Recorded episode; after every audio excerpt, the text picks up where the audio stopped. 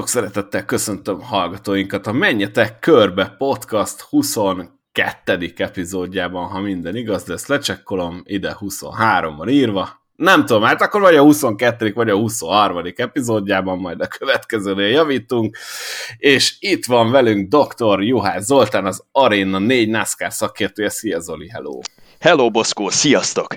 Továbbá Rós András, a 500 Miles főszerkesztője. Szia Andris! Sziasztok, hello, hello. Jó magam pedig Módos János volnék, a műsorvezető papíron. No, egy nagyon fontos dologgal kell kezdenünk ezt az adást, mert hogy Zolival közben született egy fogadásunk, amiről nem tudom, hogy ő esetleg megfeledkezette vagy sem, de itt a Magyar Colcaster Fan Club biztosan be fogja tartani azt a dolgot, amit oda beígértem.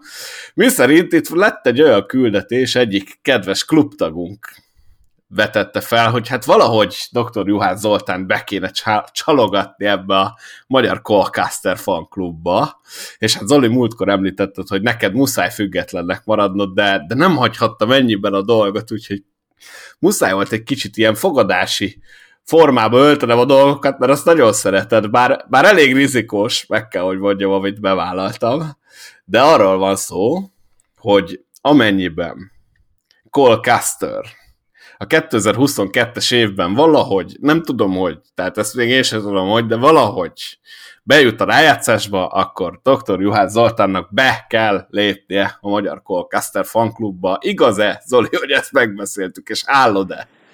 Természetesen állom egész nap, tehát bármikor, bármikor erre, erre simán. De te mit fogsz csinálni, hogyha véletlenül ez nem következik be? Arra nem várt esetre, ha Colcaster esetleg kívül marad a rájátszás 16 versenyzőjén hát a, a megállapodásunk alapján három teljes adáson keresztül nem szabad megemlítenem Colcastert és a hozzá kapcsolódó Magyar Colcaster fanklubot, ahova sok szeretettel várjuk az összes Magyar Colcaster szurkolót, úgyhogy gyertek, gyertek, a Facebookon megtaláljátok. Nem akarok egy nagyon kukacoskodni és érdeklődni a legkevésbé kedvelt versenyződ iránt, de ha elmondod, Boszkó, hogy ki az, akiket, hát nem azt mondom, hogy nem szeretsz a mezőnyből, de nem szurkolsz nekik. Fú, most nagyon, nagyon jót kérdeztél. Nehéz, ez nehéz, mert alapvetően én szerintem minden, minden NASCAR pilótának megvan az oka, amiért ott van, és én, én még úgy látom, hogy egy, egy Gilliland, egy Ty Dillon, tehát mindenkinek, mindenkinek tök jó helye van ott, ahol van, és színesíti a mezőnyt, nem, nem utálok így kifejezetten senkit. Van, akit kevésbé kedvelek, hát ki, mondjuk Joey Logánot tudnám említeni így Jó, kapásból. akkor Igen? viszont legyen a fogadásban még egy plusz csavar, meg kell csinálnod a Joey Logano fanklubot is. Ja, azt nem lehet, azt nem jó. lehet. Azt nem lehet gyerekek, hát ez mennyire hiteltelen, hogy két fanklubot csinál. Simán benne van a pakliban. Ez egy fogadás volt, ez, ez olyan, hogy tehát szereted a Manchester City-t meg a United-et, ilyen nincsen. Hát uh, akkor ezek szerint nem bízol abba, hogy Colcaster bejut a play Nem, nem. Ez csak egy kicsit volt demagóg. Nem bízom, de szeretném. Tehát, hogy szeretném, és nagyon szurkolok neki, de hogyha reális esélyeket nézzük, és az eheti pit kiállását, amit megint összehozott neki a csapat, akkor nem gondolom, hogy bekerül. Az a baj, hogy szerintem túl vagyunk azokon a versenyeken, ahol Colcaster bejuthatott volna joggal a rájátszásban. Nem volt belőle túl sok. Martin Swift tudnám kiemelni, illetve a Bristol Dirtot, ahol továbbra is tartom, hogy egyértelműen Colcaster volt a leggyorsabb és sikerült tönkrevágni az autóját azzal a rossz hűtőrecsal, ami miatt a Harvickkal együtt ki kellett jönnie. Úgyhogy ez, nagyjából ezt a két versenyt láttam reálisnak, esetleg még Autoclub Speedway, de, de ott meg valahogy nem adta ki.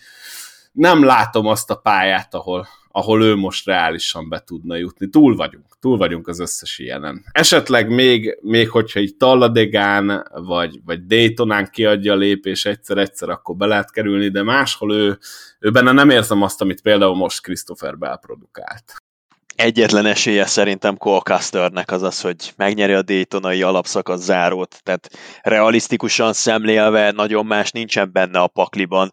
Richmondnak van gazdája, az biztos vagyok benne, hogy Toyota fogja nyerni, azért Pokonóban nagyon nehéz látni a fantáziát, hogy a Stuart House Racingből Kevin Harvickon kívül bárki más eséllyel pályázzon egy győzelemre, legalábbis én úgy gondolom. Maradék versenyek meg rótpályák, ahol nem feltétlen gondolnám Castert. Még Michigan, Michiganre mit mondasz? Boszkó, mint a Colcaster fanklubnak az alapító tagja és eszmei, spirituális vezetője. Hogy fog menni? Hát alapvetően feküdhetne neki Michigan, de egyszerűen az a baj, hogy, hogy a Casterben sem érzek idén sem extrát, és a Stuart House részünk meg valami egészen döbbenetesen gyengén szerepel. Tehát, hogyha legalább a kettő közül valamelyik tudná hozni, de még az az érdekes, hogy Harvickban olykor érzem az extrát, mert Harvickban ott van. Az vitathatatlan szerintem hogy a rutinos öreg róka Kevin Harvick szonomában is ember itt nyújtott, szerintem most is elképesztően jól versenyzett, és nem lehet odaérni ezzel az SHR-es autó, egyszer képtelenség. Én Kastárnél egyébként most azon gondolkodtam, meg igazából az egész Stuart House csapatnál, hogy lehet, hogy előrébb lennének, hogyha az egész futamon nem cserélnének gumit, csak megpróbálnák, ha az még esetleg sikerül feltankolni az autót a következő etapra, kérni a Goodyear-től, hogy csináljanak már nekünk valami extra kemény abroncsot. Jó, hogy két másodperccel lassabbak leszünk körönként, de lehet, hogy még így is előrébb lennének, mint az árontott box kiállások után. Ez, ez a tankolás sem erősség az SHR-nek azért azt hozzátenném, hogy volt már idén is, hogy elvitték a tankoló embertől elkezdve, tehát ott, ott, ott minden volt. Tehát amit pitbe lehet hibázni, most ugye mindig Baba Valaszt emlegettük, illetve pont Kevin Harvickot, ugye, aki panaszkodott, és ő viszont SHR-es a pit csapatokkal kapcsolatban, de, de szerintem Cole Casternek van az egyik leggyengébb pit csapata. Álmirólánál nem láttam eddig olyan eszeveszett nagy dolgokat, Briscoe-nál is előfordult, hogy belehibáztak, hogyha megnézitek az SHR-eseket, amikor kijönnek, a saját pozíciójukhoz képest átlag ilyen 3-4-5-tel mennek hátrébb. És ez Kevin Harvicktól Briscoe-n át Casterig igaz, az Álmiról az, aki ugyanoda szokott visszatérni, vagy még néha egy kicsit előrébb is, bár őt is rúgták már hátra, de ez az átlag. És annyira változatosan rontják el tényleg, hogy hol a tankolás, hol az emelő esik le, hol a kerék nem megy föl, hol mind a kettőt egyszerre, hol elbotlanak a szerelők, hol begurul a kerék, hol nincs meg egy szerszám, amit kéne használni, tehát egészen változatos ahhoz lesz az SHR, úgyhogy szerintem, hogyha a Baba Valaszt emeljük ki, vagy emeltük ki mi is, meg hát a komplet média az elmúlt hetekben itt a szerelő cserék miatt, illetve hát ugye Kevin Harvick is szóba jött, de komplettes hár ez szerintem ráhúzható így, ahogy van. Pedig ha megnézitek, akkor majdnem minden csapatnak feladja a leckét idén ez az új koreográfia, tehát eh, nem látni a Hendrik Motorsportsnál sem, a JGR-nál sem azt a fajta stabilitást, amire úgy nyugodt szívvel ráereszted majd a bajnok esélyeseket, hogy tessék, itt van a rájátszás, utolsó tíz verseny, üzembiztosan működő pit csapatok, tessék jönni, hadd szóljon. Tehát eh, én amellett eh, vagyok jelenleg, hogy a bajnokságról nagyon jó eséllyel a pitch csapatok fognak dönteni, és a rájátszásban nem fog beleférni egy-egy olyan hiba, hogy Kyle Larson autóján is elfelejtenek rögzíteni egy kereket, a Joe Gibbs Racingnél már maga Joe Gibbs is azt mondja, hogy, hogy nyilván elképesztő méreteket ölt a kiegyensúlyozatlansága a csapattagoknak, és, és folyamatos válságstábok állnak össze, úgyhogy szerintem ez az egész bajnoki végjátékra rá fogja nyomni a bélyegét, és a legfőbb faktor az az lenne, hogy valaki egy picit konzervatívabban, de tudja hogy nagyjából a 10 másodperc és 10 és fél másodperc környéki kiállásokat, most négy kerékcserés teletankokról beszélek, ezeket szállítani, mert azt látjuk, hogy vannak istállók, amik folyamatosan ott dörömbölnek a 9,5 másodpercnek a kapuján, és ezért nagyon sokat kockáztatnak, és nagyon sokat is hibáznak, főleg a Joe Gibbsesek követik el ezeket a rontásokat. Másfelől pedig vannak csapatok, akiknek már a 11 másodpercet hozni üzembiztosan, na az is feladja a leckét. A Stuart House Racing az ehhez a körhöz tartozik. Ott Álmirónak van szerintem a legjobb pitch csapata. Harvick ő nagyon sokat szídja a pit csapatát, de a statisztikák szerint közel sem annyira rossz az a négyes, mint eredetileg gondolnánk. Briscoe-nál persze ott is szaladgálnak balra-jobbra a kerekek, Custer az minősíthetetlen csapatot kapott, de, de végesek az erőforrásai a Stuart háznak. Tehát, hogyha összeadjátok, és nagyon őszinték vagyunk, akkor, akkor valószínű, hogy a jelen helyzetben a legjobb szerelőket a rendelkezésre álló 16-24 szerelőből egyértelműen Kevin Harvickra és Almirólára telepítenétek, mert Briscoe ott van a rájátszásban, minden bizonyal, Custer meg nem ezen múlik, hogy kiszorul onnan. Hát igen, igen. Ezzel most sajnos egyet kell értsek. Mondom még egyszer, tehát azokon a versenyeken már túl vagyunk, tehát azt már elbaltázták neki, amiről bejuthatott volna és az teljesen egyértelműen ugyanígy a csapatán, illetve a Pitt csapatán ment el. Aztán persze Caster meg elbénázta a maga versenyeit, ahol meg nem volt gond. Tehát az a baj, hogy a Stuart House Racing, és nem csak Casternél, hanem mindenkinél zseniálisan talál bele abba az egy-egy futamba, amit ezzel a közepesen felkészített autóval, mert szerintem jobb technikának nem nevezhetjük azt a Stuart House Racinget idén sem. Tehát annyira eltalálják azt az egy-egy versenyt, ahol az adott pilóta pont tudna érvényesülni, hogy akkor azt a versenyt azt tönkretesszük, és a másik kettő-hárman, amin soron következik, és nem adja ki a versenyzőnek sem, azt tökéletesen lehozzuk, majd amikor megint jön egy olyan pálya, ahol na, itt lett volna most esély, ott megint elbaltázzuk. Tehát kicsit olyan, mint hogyha a nyomás, a, annak a nyomása, hogy az adott versenyzőnek a csapaton belül van esélye a győzelemre, az olyan, mint hogyha így áttelepülne egy picit a pit csapatra, és, és egyből jön a hiba. Tehát számtalan példát tudnék mondani. Kasterrel és Harvickkal is gondoljunk csak Harvicknak a szonomai futamára, hogy milyen tempója volt, és hogy milyen szinten megérkezhetett volna, és már ott biztosíthatta volna a rájátszás helyét. Ehhez képest hat futammal az alapszakasz vége előtt még mindig azt nézzük, hogy Kevin Harvicknak egyáltalán hol lesz esélye. Tök jó, elől megy, ott van a legjobbak között, de ez ide már nagyon kevés. És már egy picit előre lépve 2023-ra. Szerintem mindent elmond, hogy a háttérben könyörögnek Erik Almirolának, hogy ne vonuljon vissza. Tehát ö, ö, nem véletlenül keltek szányra ezek a plegykák. Almirola szerintem, hogyha csak őt kérdeznék, és a, a csapata nem próbálná meggyőzni, akkor visszavonulna, mert a családjával akar időt tölteni de konkrétan ott tartunk, hogy szerintem a Stuart House-nál még azt sem tudják, illetve vagy nincs erőforrásuk rá, vagy egyszerűen ennyire nem érdekli őket, hogy na most kit hozzunk Álmiról a helyére. Pedig szerintem az teljesen egyértelmű a Ryan Priest. Tehát, hogy nem látok másik embert, és hozzáteszem, hogy nem vagyok róla meggyőződve, hogy Priest nem tudna már az első évében a Stuart House Racingnél jobbat nyújtani, mondjuk Arik Almirólánál. Tehát nem értem ezt a problémát. Szerintem pont ez az egyetlen egy dolog, amivel nem kellene számolni a csapatnak. Értem, hogy amit mondasz, az valós, és tényleg ezt mondják, és ez történik, ettől függetlenül Priest szerintem tökéletes lenne Almiról a helyére. Ha jövőre nem Almiróla vagy nem Price vezeti a tízest, akkor semmi értelme nem volt az elmúlt másfél évnek, amit a Stuart House Racing eh, a szerződéskötései, meg a kifelé irányuló kommunikációja, meg a szponzori szerződések terén megvalósított.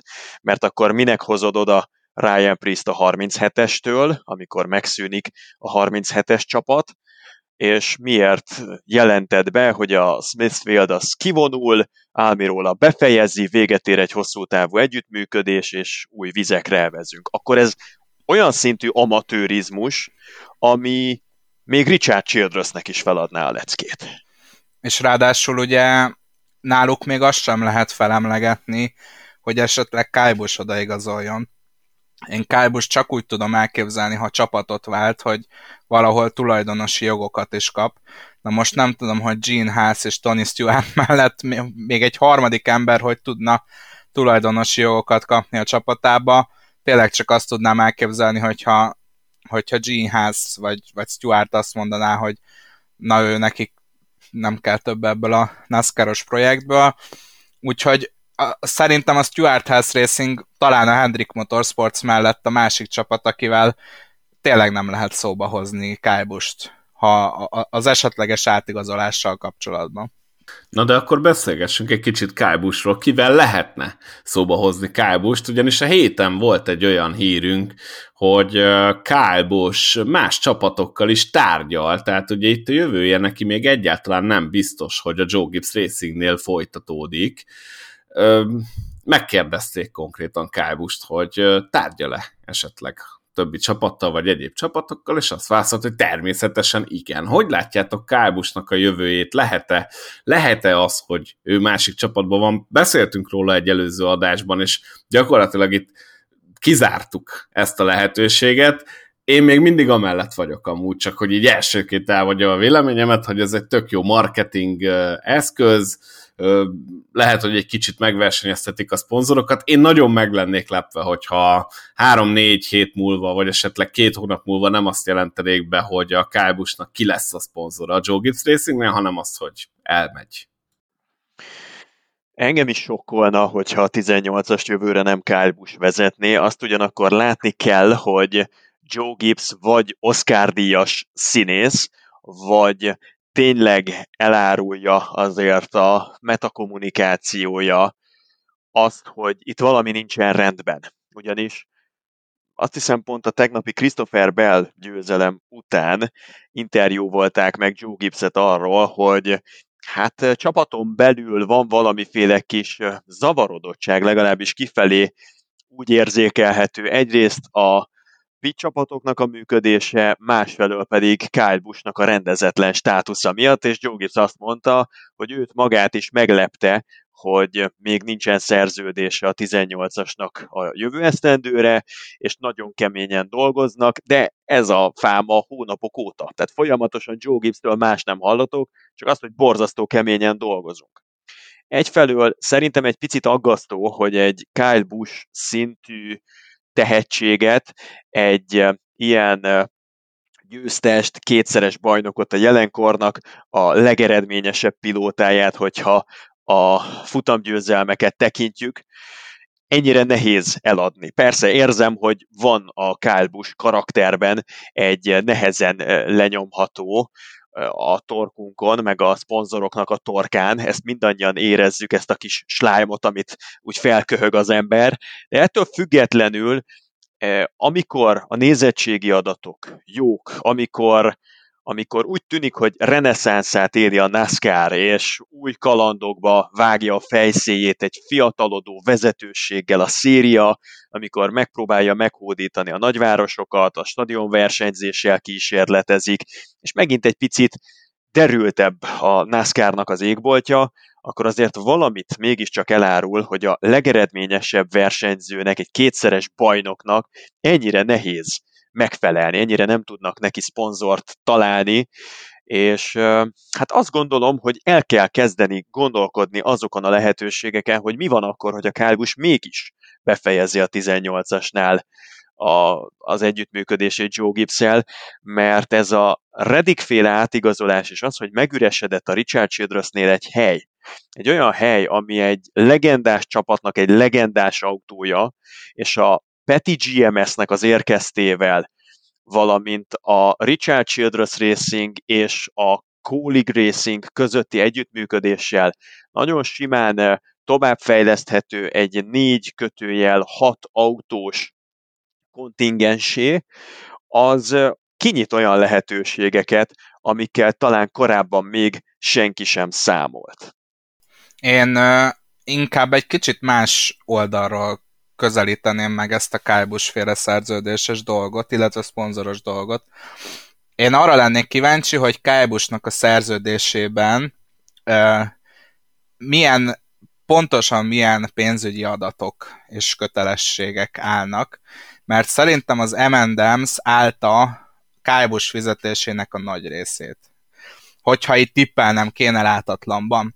És szerintem a nagy probléma nem azzal van, hogy nehéz szponzor találni Kálbusnak, hanem a nagy probléma azzal van, hogy van egy megkötött szerződése, és abban le van írva, hogy mit tudom én, 10, a, a 21 milliós szerződéséből mondjuk 15-öt a szponzorál. És a szponzornak pedig valahogy be kellene illeszkednie ebbe a szerződésbe, amire szerintem kevesen hajlandóak a, a, a mezőnyben. Ugye Kájbos talán, ha jól emlékszem, a legjobban fizetett versenyző a mezőnyben, és az pedig lehet, hogy gipszék nem akarják, hogy ennél többet költsenek buszra, tehát hogy nagyobb ö, ö, összeget átvállaljanak az ő fizetéséből. Nem tudom, Zoli, te ezt hogy látod, hogy ebben mennyi realitás lehet? Biztos, hogy itt a Kyle Busch bérigényének a kielégítése a szűk keresztmetszete, viszont hogyha egy Joe Gibbs nem tud a saját holdudvarából, vagy akár azon kívülről megnyerni egy főszponzort Kyle Busch mellé, tehát a Rick Hendrick melletti másik legnagyobb kutyája a NASCAR Cup Series-nek nem képes a az egyik legismertebb, vagy talán a legismertebb versenyzőnek egy főszponzort találni, hogyha ez nekik nem sikerül, akkor el nem tudom képzelni, hogy kinek sikerülhet. Tehát Persze ez egy nagyon távoli képzettársítás volt az én részemről, hogy Richard Childress egyszer még letesz egy ajánlatot Kyle Busch elé az asztalra, de de mondjuk a Kyle Busch, meg mondjuk a Brett Keselowski között az a nagyon nagy különbség, hogy Keselowskiból simán kinézem, hogy feláldozza a saját maga rövid és középtávú anyagi érdekeit annak érdekében, hogy legyen egy, egy, egy exit terve, ahogyan ő befejezi a versenyzést, és a saját csapatával megkeresi a nyugdíjra valót, meg a, meg a boldog békeidőket a kislányai számára. Tehát Kezelovszkiból kinézem azt a gondolkodásmódot, hogy ő beáldozza a pályafutása, az autóversenyzői pályafutása utolsó éveit, annak érdekében, hogy legyen egy régóta dédelgetett kupacsapata.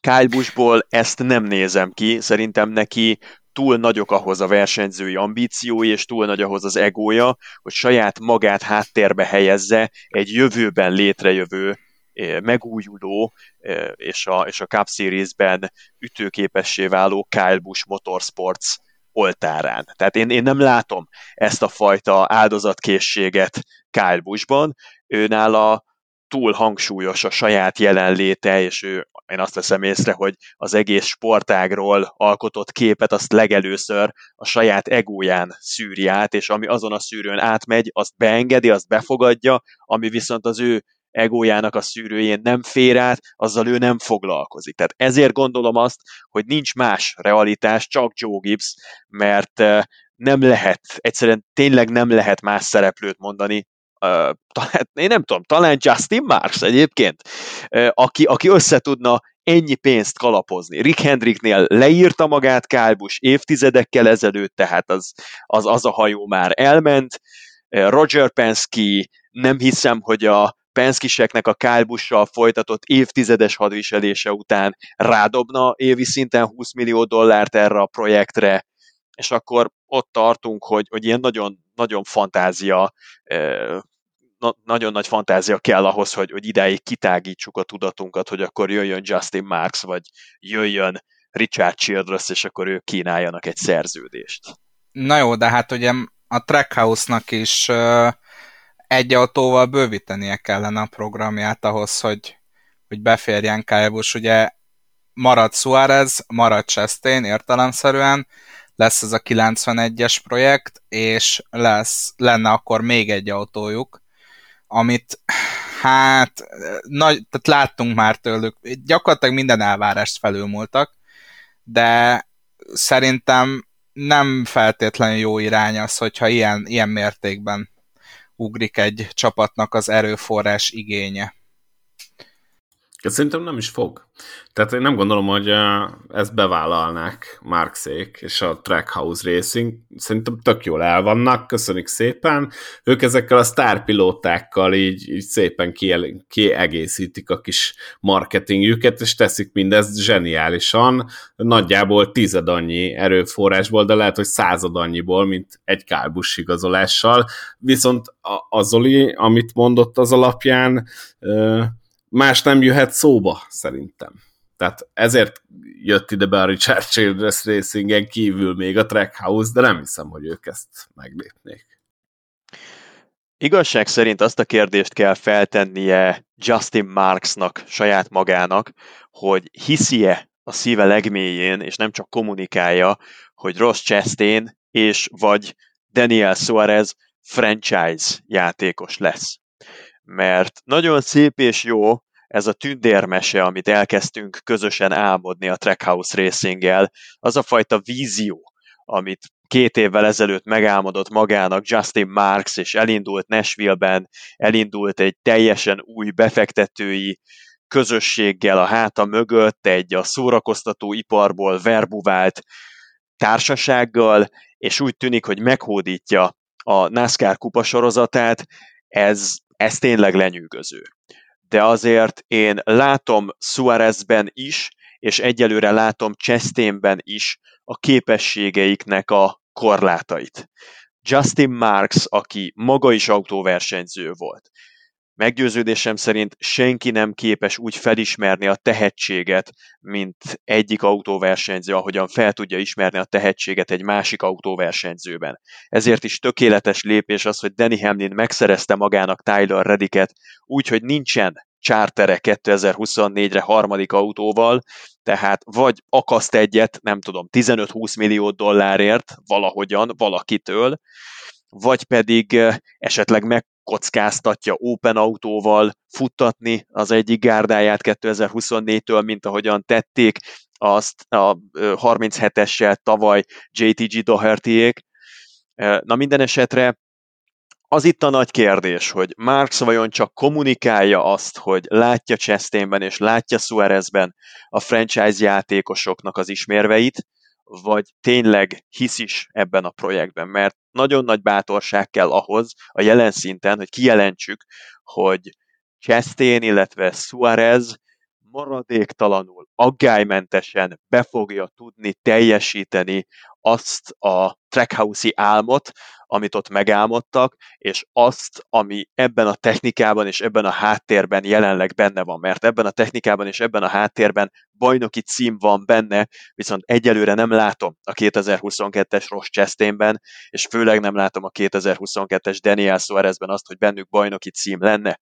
Márpedig, hogyha a technika ennyivel fölötted van, akkor oda belefér nagyot álmodni, és nem csak Kimi Räikkönent megfogdosni egy hétvégére, meg beharangozni Lewis Hamilton-t a Dayton 500-ra, hanem letenni egy ajánlatot Kyle Busch orra elé.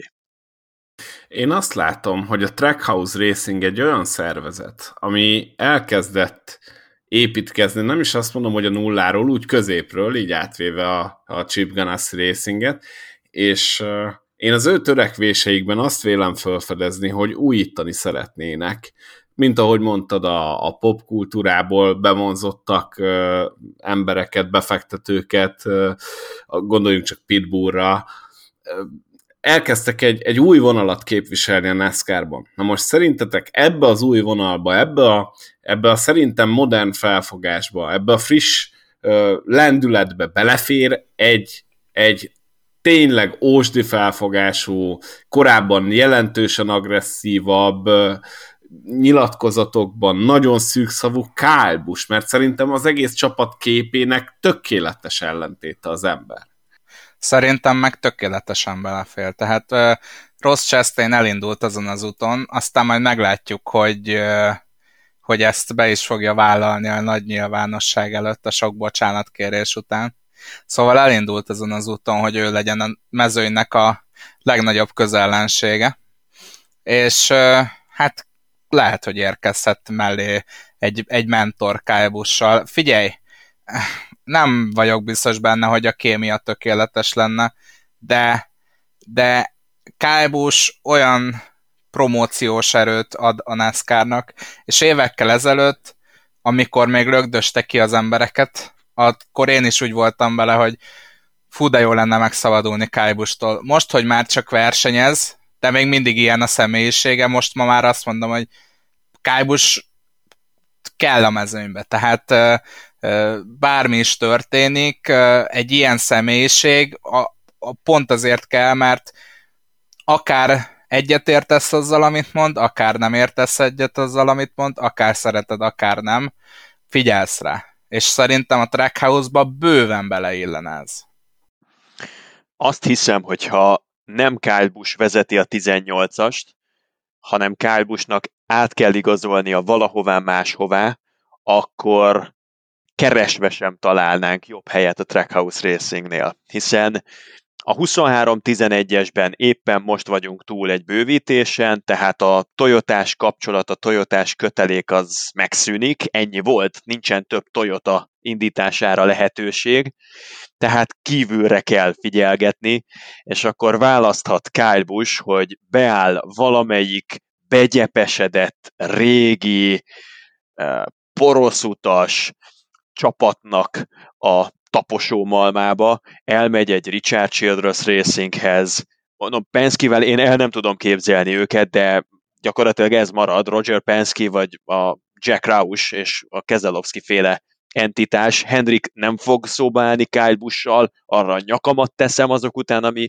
közöttük történt, úgyhogy nem látok egyszerűen mást ebben a mezőnyben, mint a Trackhouse Racinget, vagy esetleg a Kóligot, de azt megbeszéltük, hogy az meg megint a Richard Childress féle holdudvar, úgyhogy nem is lenne olyan rossz párosítás. Eleve Chastainnek a Bush testvérekkel, Kurt miatt már van egy jó munkakapcsolata, egy éven keresztül nagyon is gyümölcsöző volt az ő együttműködésük, és mivel Kurt rengeteget lóg együtt Kyle Busch-sal, együtt repkednek a pályákra, együtt viszik a kis Braxton-t különféle rövid oválos, nyolcad mérföldes hasonló oválpályákra versenyezni, szárnyait próbálgatni. Biztos vagyok benne, hogy Chastainnek is van valós kapcsolata Kyle Busch-sal, ami nem feltétlenül jelenik meg a külvilág előtt. Úgyhogy én nem érzem annyira elvetetnek ezt a Trackhouse és Kyle Busch vonulatot, persze egy, egy óriási szemléletváltást követelne meg mindenkitől, de azok után itt, ami történt mondjuk az elmúlt másfél évben a NASCAR-ban, azok után én már tényleg semmi nem lepődök meg, és ez meg célzattan egy olyan forgatókönyv, ami, ami, ami sok jót ígér, és nagyon feldobná az állóvizet. Ez, ez lehet. Én, én ettől függetlenül tartom az előző véleményemet. Én nem látom, hogy Kálbus és a Trackhouse nagyon összeillenének. Mondjuk azt is el kell különíteni, és milyen, milyen sokat beszélünk megint Kálbusról, nem? Szóval azt is el kell különíteni, hogy melyik Kálbusról beszélünk, ahogy itt az Adris is említette, van a régi török zúzok, mindenkinek beszóló Kálbus, és van a mostani. Hogyha valaki a NASCAR-t mondjuk csak most kezdte el követni, és tavaly kapcsolta be először a tévét, és azt a kábust ismerte meg, akit, akit tavaly látott, akkor az valószínűleg nem érti ezt a beszélgetést, amit mi itt lefolytatunk, hogy miért közutálat a kábust, nem nálunk, hozzáteszem, hanem az amerikai közönségnél, meg lehet nézni, hogy hányszor kap füttyöt, meg búzást, meg stb. A, lelátóról, még akkor is, ha nyer, nagyon sokszor kifütyülik, és, és annak nem most fektette az alapjait, hanem évekkel korábban. Uh, és ez nem tudom, hogy mennyire összekapcsolható Trackhouse-zal, és azt sem tudom, és ide akarok tovább lépni, hogy a Ross Chastainnek a viselkedésére ugyan picit rájátszott Justin Max, de hogy valójában ő ennek mennyire örül, mert szerintem annyira nem. Mármint gondolok itt arra, hogy a Chastain hétről hétre baleseteket csinál, meg most már tényleg a mezőny az, az kezdi kilökni magából, és ezáltal pont a bajnoki esélyei csökkennek. Nem hiszem, hogy a Marx erre tapsol. Véleményem szerint Marx most úgy van vele, hogy és ez szerintem egy jó út, hogy Chastain találja meg a, a saját stílusát. Tehát Chastain bár ugye az Xfinity-ben meg a Trackban is bizonyos időszakokban volt elől, de olyan, hogy konzisztensen jó autóban üljön, és konzisztensen az élversenyzők közé tartozzon, olyan még nem volt. Azért nagyrészt, amikor fölkerülnek ezek a srácok, és most már az utóbbi időben tényleg ez mindenkiről elmondható, hogy úgy kerül föl, hogy vagy az Xfinity Series-be, vagy a Track Series-be konzisztensen elért sikereket, akkor úgy érkeznek meg, hogy tudják, hogy, hogy nekik mi a stílusok, és mi lesz, mi lesz a Cup Series-ben a stílusuk. Aztán Chastain meg, meg soha nem adatott meg, hogy folyamatosan, konzisztensen annyi lehetőséget kapjon. úgyhogy szerintem ő keresi az útját, most úgy nevezetten, és, és ehhez pedig Justin Marks asszisztál. Tehát nekem Justin Marksról nem az jött le, hogy ő most tapsikol Ross Chastain húzásai miatt, hanem az jött le, hogy ő 100%-ig, sőt 150%-ig kiáll a saját versenyzője mellett. Srácok, helyzet van. Tehát 2022-ben Kyle Busch szabadügynökké vált. Ez ténykérdés. 2023-tól nincsen szerződése. Aki le tud tenni Kyle Busch elé egy víziót, mellé tudja tenni a szponzorokat, és azt az anyagi forrást, ami képes kielégíteni Kyle Busch-nak a bérigényét, az megkap egy olyan versenyzőt, aki a generációja, inkább fogalmazunk úgy, hogy az aktív pilóták közül a legtöbb versenyt nyerte, a legtöbb bajnoki címet nyerte, és aki szemmel láthatóan nem komfortos a jelenlegi helyzetében. Mert az, hogy Kyle Busch ahogyan nyilatkozik az elmúlt hetekben, hónapokban, ahogyan szűkszavúan, ilyen mufurc módon oda-oda mondogat olyan dolgokat, amik azért szerintem egy Joe Gibbsnek nagyon fájhatnak. Mert ha valaki soha nem hátrált meg, amikor Kyle Busch mosdatni kellett, amikor ki kellett utána mosni a szennyest, amikor el kellett takarítani a csontvázakat Kyle Busch után, akkor Joe Gibbs mindig ott volt, és feltűrte az ing ujjat, és, és tette a dolgát. És ezek után az, hogy Kyle Busch rendszeresen bepakolja, behúzza a busz alá az egész Joe Gibbs racinget, az szerintem valamelyest fájhat Joe Gibbsnek, és szerintem ez is közrejátszik, hogy nem akarja Gibbs sem önköltségesen megfinanszírozni Kálbusnak a következő 1-2-3-4 ki tudja hány esztendejét, hanem azt mondja, hogy nézzük meg piaci alapokon, mennyit érsz, öregem. És lehet, hogy itt most volt egy reality check, hogy a Kálbus mint brand, a Kálbus mint márka, mint, mint húzónév, az fizetőképes keresletet kevésbé képes bevonzani. Pedig akarásnak biztos, hogy nem vagyunk hiány. No de visszakanyarodva a felütésemre. Van tehát egy olyan szabadügynök a piacon, aki az elmúlt, ki tudja, 15 évben, 20 évben nem nagyon volt. És akármennyire is már a 30-as éveinek a második felét tapossa Kyle Busch, kiindulva abból, amit Kurt művel a 45-höz közel, vagy amit Kevin Harvick művel a 45-ön túl, a veteránoknak a szerepe még egy ennyire forradalmasított, átalakított szériában is meghatározó. És Kyle Busch-ban legalább öt nagyon jó év van még, az pont elég arra, hogy kiteljesítsen egy olyan csiszolatlan gyémántot, mint mondjuk Ross Chastain, és hogy, hogy, hogy, hogy igazán nyerővé tegye a Trackhouse-t. Boszkó, kicsit visszafordulok hozzád ha nem tetszik neked a Trackhouse és Kálbus párosítása a mi kis gondolat kísérletünkben, de azt mondom neked, hogy valakit mondanod kell, ha elhagyja a 18-as csapatot Kálbus, akkor te hol látnád leggyümölcsözőbbnek az ő elhelyezését? Na, ez két különböző dolog, mert a leggyümölcsözőbbnek valószínűleg a Trackhouse-nál, de, de én azt gondolom, hogy ők pont frissíteni akarnak, és, és új pilótákat felépíteni és befuttatni, mint például Ross Chastain. A Suárezben én nem látok annyit, hogy ez reálisan sikerülne, és szerintem ők sem.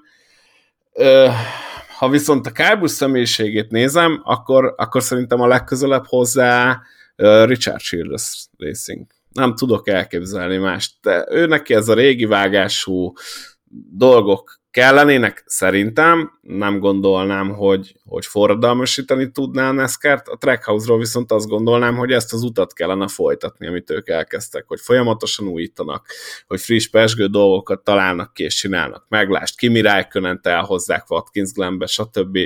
Találtak egy fiatal pilótát, aki még lehet csiszolni, és igenis szerintem Chastain bajnok matéria lehet, és hosszú távon szerintem simán rá lehet építeni a Trackhouse Racinget, aztán majd kiderül, nyilván itt-ott kell változzon, és a kritikád is jogos, amivel vele szembe szoktál élni, hogy ez a B játék, ez nincs meg, ez valóban nincs meg, de ezt össze lehet gyűjteni, tehát láttunk már ilyet, hogy a tapasztalatok alapján az embereknél lesz kialakul, most például New Hampshire-ben szerintem egészen jól megvolt. Nem látom Kálbus helyét továbbra sem a Trackhouse-ban, neki tök jó lenne, amúgy üzletileg valószínűleg, mert ők le tudnák rakni a lóvét, főleg ilyen erős háttérrel, de nem, nem látom ezt egész egyszerűen, és arról se feledkezzünk meg, hogy Kábusnak van saját csapata, csak a Track Series-ben. Tehát én azt gondolom, hogy a Toyotától nem lesz neki olyan egyszerű elszakadnia, mert egy ilyen alakulatot, amit ő ott visz, azt nem tudsz egyik napról a másikra átpakolni egy másik márkába, illetve át tudsz pakolni, csak ahhoz is meg kell találni megfelelő partnereket, és azért, ahogy mondtad, például a Hendriknél kapásból nagyjából elvágta magát, szóval gyakorlatilag a Chevy már egy kicsit problémás, a Ford meg hát eleve nem nagyon van jelen ebben a szériában, úgyhogy most akkor azt az üzleti vállalkozását meg beszünteti, vagy? Szóval én szerintem egy kicsit több szállal kapcsolódik a Toyotához, mint hogy csak így ellibbenjen máshol. Ez egyébként nagyon érdekes és jogos, amit mondasz, viszont akkor én itt föl is vetném azt, hogy a Toyota miért nem tesz bele többet. Tehát esetleg Gibbs, mert David Wilson, a Toyotának a, a fejese csomószor lenyilatkozta, hogy ők foggal körömmel ragaszkodnak Kajbushoz, akkor miért nem mondja azt David Wilson, hogy na akkor azokon a kiemelt versenyeken, amit elveszítesz az M&M's miatt, azon indulj egy full Toyotás szponzorációval én nem vagyok benne biztos, hogy nem mondja. Tehát én nekem a teóriám az továbbra is az, hogy szerintem a Kálbus jövője már a háttérben nagyjából biztosított, és hetekre vagyunk attól, hogy bejelentsék az új szponzorát, nem látom azt az utat, ahol ő ki tudna lépni a Toyotától. Már csak a saját csapata miatt sem, meg egyébként sem látom nagyon a helyét máshol. Hát childress próbálkozhatnak esetleg, mert ott most azért vannak gondok úgy, hogy Tyler Reddick távozik a csapattól, lesz baj, lesz baj, mert az, a Reddick pont egy olyan csávó volt, akire viszont rá lehetett volna építeni egy csapatot. Te akkor konkrétan azt mondod, Boszkó, hogy amikor most szombaton elhangzott Kálbusz szájából, hogy beszélek más csapatokkal is, akkor Kálbus hazudik, és vetít Joe Gibbs, amikor azt mondja vasárnap este, hogy keményen dolgozunk, és engem is meglepet, hogy még semmit nem tudtunk felmutatni, nincsen még uh, aláírt uh, szerződésünk a jövő évre, tehát akkor szerinted ők hazudnak? Mert egyetértek abban Andrissal, hogy ha valóban a Toyota és Kálbus, valamint Toyota és a Kálbus Motorsports között. Annyira harmonikus lenne az összhang, annyira erős lenne a kötelék, hogy belefér az, hogy fél éven keresztül hülyítenek mindenkit az iparágban, akkor, ami szerintem totál kontraproduktív egyébként, mert a stabilitás mutat erőt, Danny Hamlin mutat erőt, amikor 2024-re bejelent egy harmadik szupersztárt a csapatához, nem az, hogy fél évvel a 2023-as szezon kezdete előtt még azt se tudod, hogy mi lesz a flagship autóddal a Cup Series-ben, ez nem erőt mutat, ez gyengeséget mutat. Na mindegy, Szóval én ezt valahogy nem veszem be ezt a sztorit, belett árazva, attól tartok, belett árazva a Kálbus Motorsportsnak a Toyotával való elköteleződése azáltal, hogy hagyták a generációja legeredményesebb versenyzőjét szabadügynökké válni 2022 év végével. Lehetséges, hogy igazatok van, meg fogjuk látni, hogy kinek, kinek volt itt ebben a kis, hát nem mondom, hogy vitában, eszmefuttatásban igaza, én, én nem hiszek abban, hogy távozna a csapattól. No, de volt itt nekünk egy jó emsír, és muszáj elkezdenünk beszélni róla, mert 40 percek álbusozunk gyakorlatilag, és hát eh, tovább kell lépnünk domináltak a Toyoták. Azért márkán belül maradhatunk, úgy tűnik. Christopher Bell nyerte ugyanis ezt a New Hampshire-ben rendezett NASCAR Cup Series futamot, amivel Bell jó eséllyel bekerült a rájátszásba, és kicsit meg is bonyolította itt a dolgokat, na de ne fussunk ennyire előre, mert a futamon is volt pár érdekesség.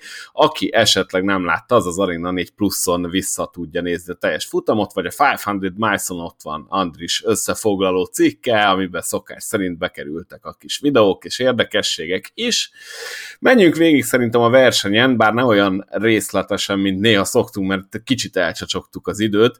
Történt ugyanis, hogy Martin Truex Jr. megnyerte az első, és ha jól emlékszem, a második szakaszt is, és végül a verseny végén alul maradt Christopher Bell szemben, aki egyébként Joe Gibbs Racinges és a csapattársa.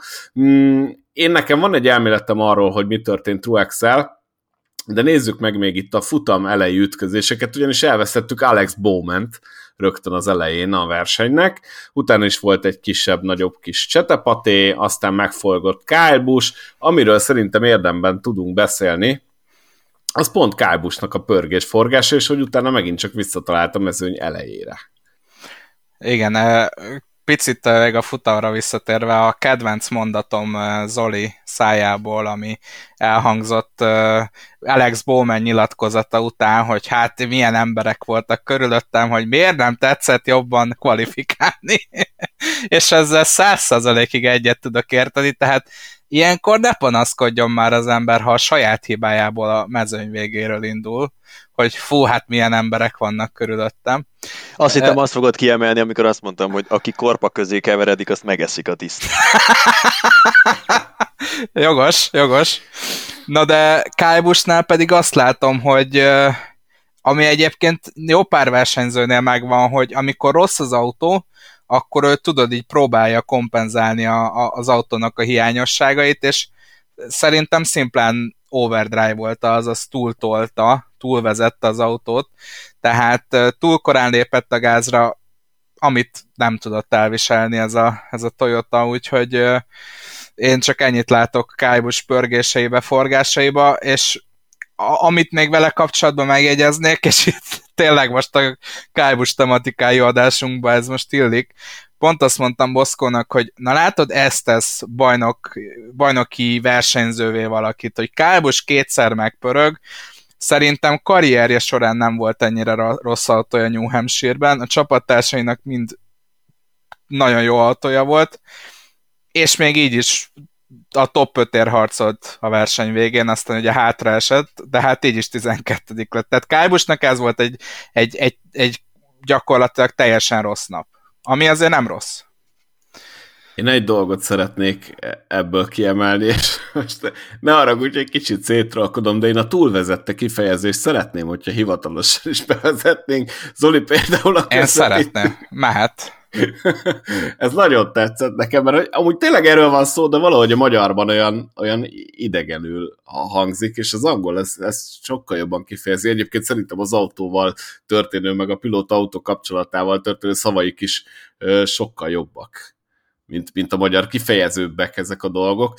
Kármus az a csáva, akivel tök mindegy, hogy mi történik, visszakeveredik az elejébe. Még tavaly volt egy olyan futama, talán Pokonóban, de most erre nem esküdnék meg, ahol össze-vissza tört az autó. Tényleg benne volt, hogy három balesetbe, benne volt a fantazimba, azért emlékszem. És, és így, két kör hátrányba került. Hátrányba volt, és kitért, kivettem, és nézte a futót, és megint ott van az elejében. Megint összetört, megint, hát, megint kivettem a fantazimba, megint ott van az elejében, és itt ültünk, és néztük, hogy hogy a fenébe csinálja ezt a pali, hogy tényleg belecsap a villám, fölgyullad, fölrobban, kiesik, megforog, szétesik az autó, és a 12. helyen kocsikázik, és hozza fantazi pontokat. Elképesztő Kálbusnak a teljesítménye, függetlenül attól, hogy most szeretik-e őt, vagy nem szeretik. Ez a csáva jéghátán is megél. No de, szerintem ugorjunk Kálbusról, mert tényleg most már 50 percet szenteltünk neki, és az lesz az adás szív, hogy Kálbus nagyjából. Ugorjunk Martin Truex Jr.-ra szerintem, így a baleseteket mindenki nézze meg, vagy az Arena 4 plus vagy a 500 miles ezt tudom javasolni, mert Martin Truex fog nekünk szolgáltatni itt beszédtémát. Elképesztően dominánsan állt neki ennek a New Hampshire futamnak, és rengeteg kört vezetett, végig a mezőny elejében ment, és amikor, amikor igazán nagy szükség lett volna arra, hogy elől menjen, nem jött össze. Én oda vezetném vissza ezt a dolgot, hogy kulcsmomentumként tekintek arra, amikor Martin Truex Jr. mindösszesen kettő új gumit kapott az autó jobb oldalára, ami teljesen megborította az autónak az addigi egyensúlyát, illetve bekeveredett a mezőnybe, ez mondjuk már korábban történt, és ott nem volt meg az a domináns tempója Martin Truexnek, mint amit a tiszta levegőn tudott hozni. Szerintetek hol ment el Truex versenye, és egyelőre úgy néz ki legalábbis, hogy a rájátszás esélyei ott ment el Martin Truexnek a versenye, hogy érthetetlen okokból kettő friss kereket pakoltak fel neki az utolsó pit kiállásnál, és ugye ez sajnálatos módon azt vonta maga után azt a következményt, hogy Truex elveszítette a kocsijának az egyensúlyát, és pont az utolsó etapra, amikor eldőlt a futamgyőzelem, akkorra akkorra elfogytak a köridejei Martin Truexnek, és olyanok körében találta magát, akiknek addig semmi közük nem volt a versenyben Martin Truexnek a tempójához. Idegen testként mozgott forgalomban a kocsival az utolsó harmadik szakaszban, és nagyon elkezdhet vakarózni Truex, ugyanis, mint ahogyan a, po- a homok szemek kip peregnek az embernek a markából, amikor megpróbálja összeszorítani, azokat úgy veszíti el az esélyei Truex arra, hogy kvalifikálja magát a rájátszásra. Ő az a versenyző, aki a bajnokságban a negyedik legtöbb pontot gyűjtötte.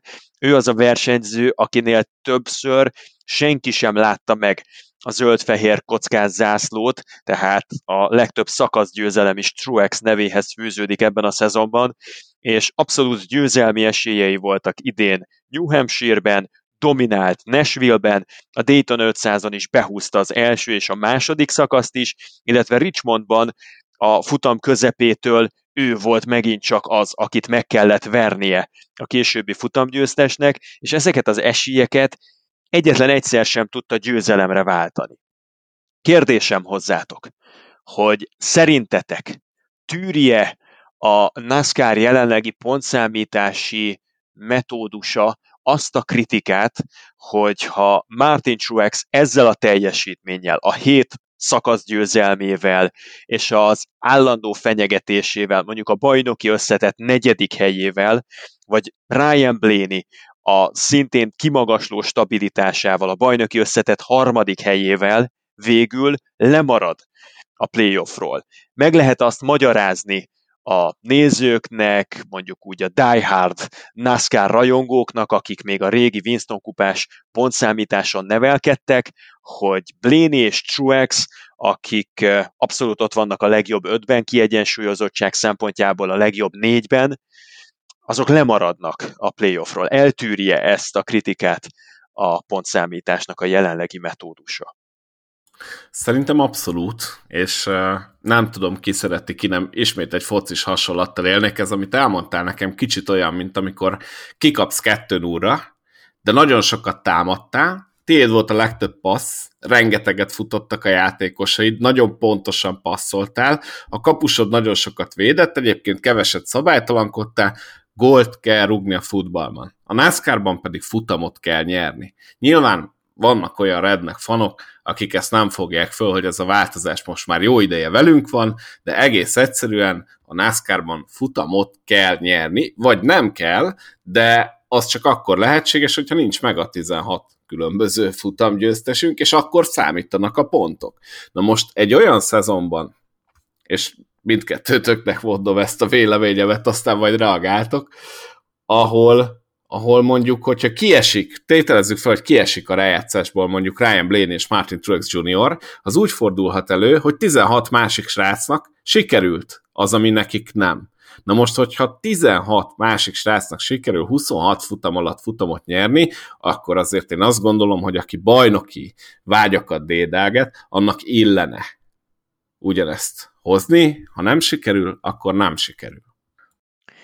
Az a helyzet, hogy Például Matt Kenseth 2003-ban úgy nyerte meg torony magasan a bajnokságot, hogy egyetlen egy versenyt tudott győztesként abszolválni.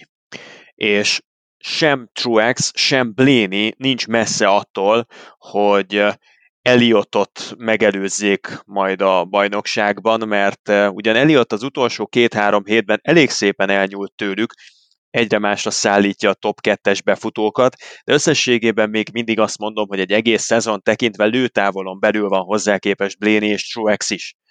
És én azt azért egy picit igazságtalannak érzem, hogy ez a két versenyző esélyt se kapjon hogy a legjobb 16 között versenyezzen. Persze értem én, amit mondasz, hogy ez a szabályrendszer, és mindenki tudta, amikor kiírták a 2022-es szezont, meghirdették a szabályrendszert, és lehetett tudni, hogy itt őrület lesz, mert jönnek a hat Super Speedway-nek is betudhatóan a változatos futamgyőztesek, tehát ezzel mindenki tisztában volt, csak én azt mondom, hogy picit devalválja a szakaszrendszert, a szakaszversenyzést, hogy nincsen egy olyan mérőszám, ameddig, hogyha valaki eljutna az alapszakaszba, mondjuk azt állítom, hogy aki tíz szakaszt tud nyerni, azt tekintsük úgy, hogy kvalifikálta magát a rájátszásra.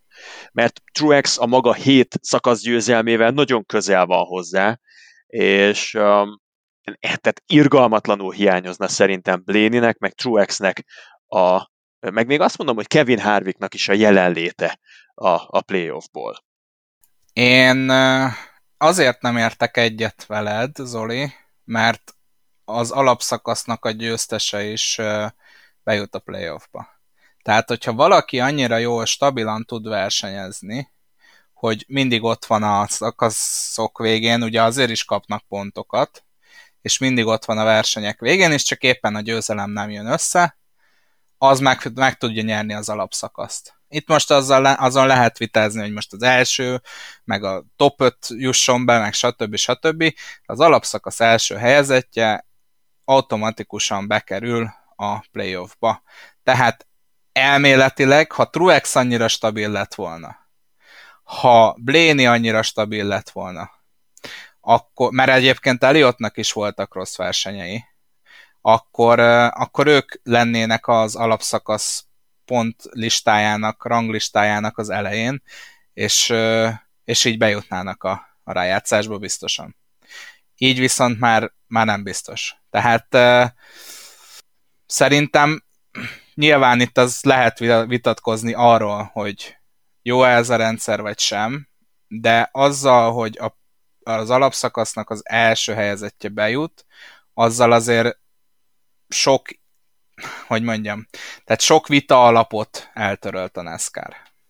Én azt gondolom, és hogyha folytathatom a focis példámat, mert hát megteszem, tehát igazából nem tudtok meggátolni benne, akkor az, a világ változik, és a szabályok változnak. Hogyha annak idején lett volna les szabály például, mielőtt hogy nyilván bevezették volna, akkor mennyi világbajnokságnak alakult volna másképpen a végeredménye, vagy hogyha lett volna var, és visszanézik Maradona kezezését az angolok ellen, akkor az a meccs hogy alakult volna. Én nem gondolom, hogy ezt uh, ilyen szemszögből jó nézni, és továbbra is tartom azt, hogyha 16 másik csávó tud futamot nyerni, akkor az a 2-3, aki nem tudott ennyi idő alatt, úgyhogy hangsúlyozom még egyszer, majdnem a mezőny fele tudott futamot nyerni, akkor szerintem nem jogos az, hogy abból a kettő-három emberből le bárkinek is legyen esélye arra, hogy megnyerje a bajnokságot, miközben 16 másik véghez vitte azt, amit véghez lehetett vinni, tehát hogy megnyerte a futamot vagy legalább egyet. Most a szakaszgyőzelmekkel kapcsolatban pedig számomra az a, az a kritika ugrott be egyből a felvetéseddel kapcsolatban, hogy itt vannak velünk a road versenyek most már szám szerint hat azért azokon nem túl nehéz feladat egy-egy szakaszt behúzni, és hogyha valaki erre játszana, és mondjuk nagy Isten egy-egy jó futam is kiadná, akkor szerintem nagyon könnyen össze lehetne csipegetni azt a tíz általad említett szakasz győzelmet egész egyszerűen azzal, hogy feláldozod a versenyedet, és kint maradsz a versenypályán, és behúzogatod ezeket az úgymond leeső szakasz győzelmeket. Én nem tartanám kizártnak, hogyha valaki erre évelején tudatosan ráállna, akkor ezt ne lehetne könnyen kivitelezni, mert, mert valószínűleg ki lehet. Úgyhogy én ezt innen nem közelíteném meg, én személy szerint elfogadtam ezt a szabályt, nyerni kell, ha valaki tényleg nagyon jó, akkor az nyerni fog 26 verseny alatt, ha meg csak úgy jó, jó, megy, megy, de nem az igazi, akkor pedig semmi helye a rájátszásban.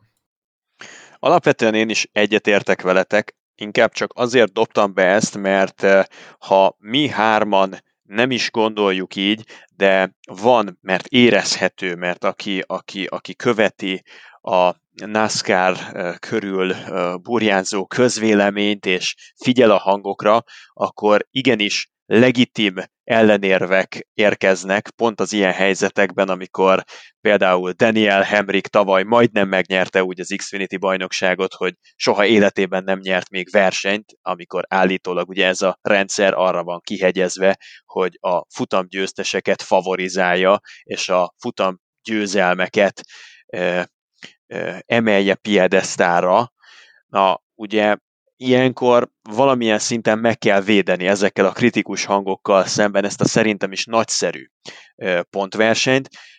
Hozzátenném, hogy én úgy érzem, hogy veszítenénk értéket akkor, hogyha behúzná a Daytonai alapszakasz zárót egy teljesen random versenyző, akinek semmi esélye nem lesz a bajnoki címért majd küzdeni, és emiatt Truex például kiszorulna, vagy Bléni kiszorulna a bajnokaspiránsok közül, tehát azt hiszem, hogy sportértéket veszítenénk a szórakoztatás oltárán.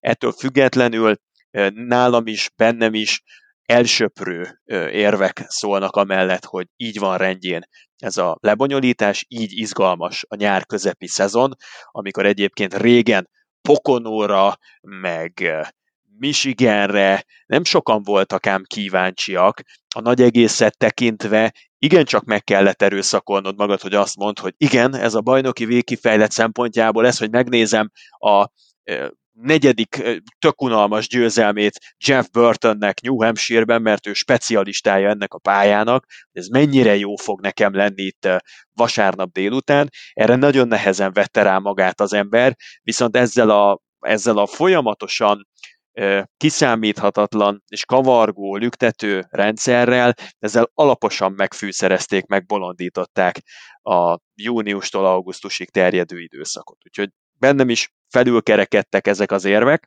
csak azért hoztam el nektek ezt a dilemmát, mert szerintem jól mutatja a régi típusú NASCAR szurkolóknak és az új szemléletnek a, a, a kollízióját, hogy ezek, ezek bizony ütköznek, néha surlódnak egymással, és ott elég, elég érdekes dolgokat tudnak felgyűrni maguk mellett rákötök csúnyán erre az ütközésre és kollízióra, mert volt ilyen a versenyen, ami nekem nagyon-nagyon hát tetszett. Meg kell mondjam, igazi sohalám volt. Brad Keselowski és Austin Dillon találkozásáról van szó.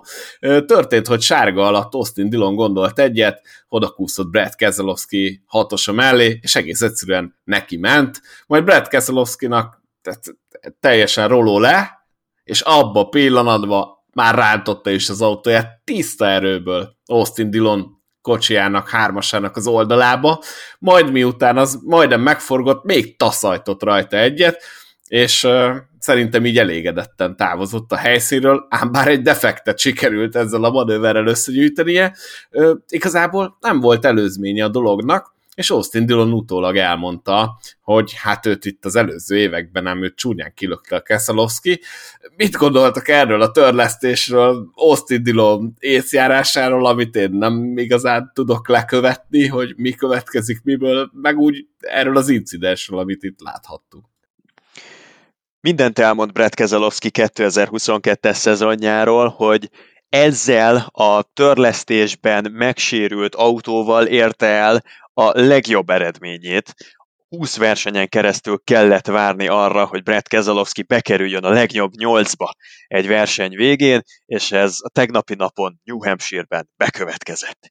És mindezt egy olyan autóval, amit eh, tökéletesen foglaltad össze, lehúzták a rolót Keselowski-nál, mindenféle józan, észből fakadó megfontolást hátrahagyott, és a két gyermekes családapa mint az őrült ki letépte láncát Austin Dillonra ö, rá vetemedett, vagy, vagy ne, ne, ne, egyszerűen nincsenek rá szavak, mert Dillon megpróbált egy kicsit emberkedni, úgy kitette a vállát, valamiért szeretett volna üzenni Kezelowskinak.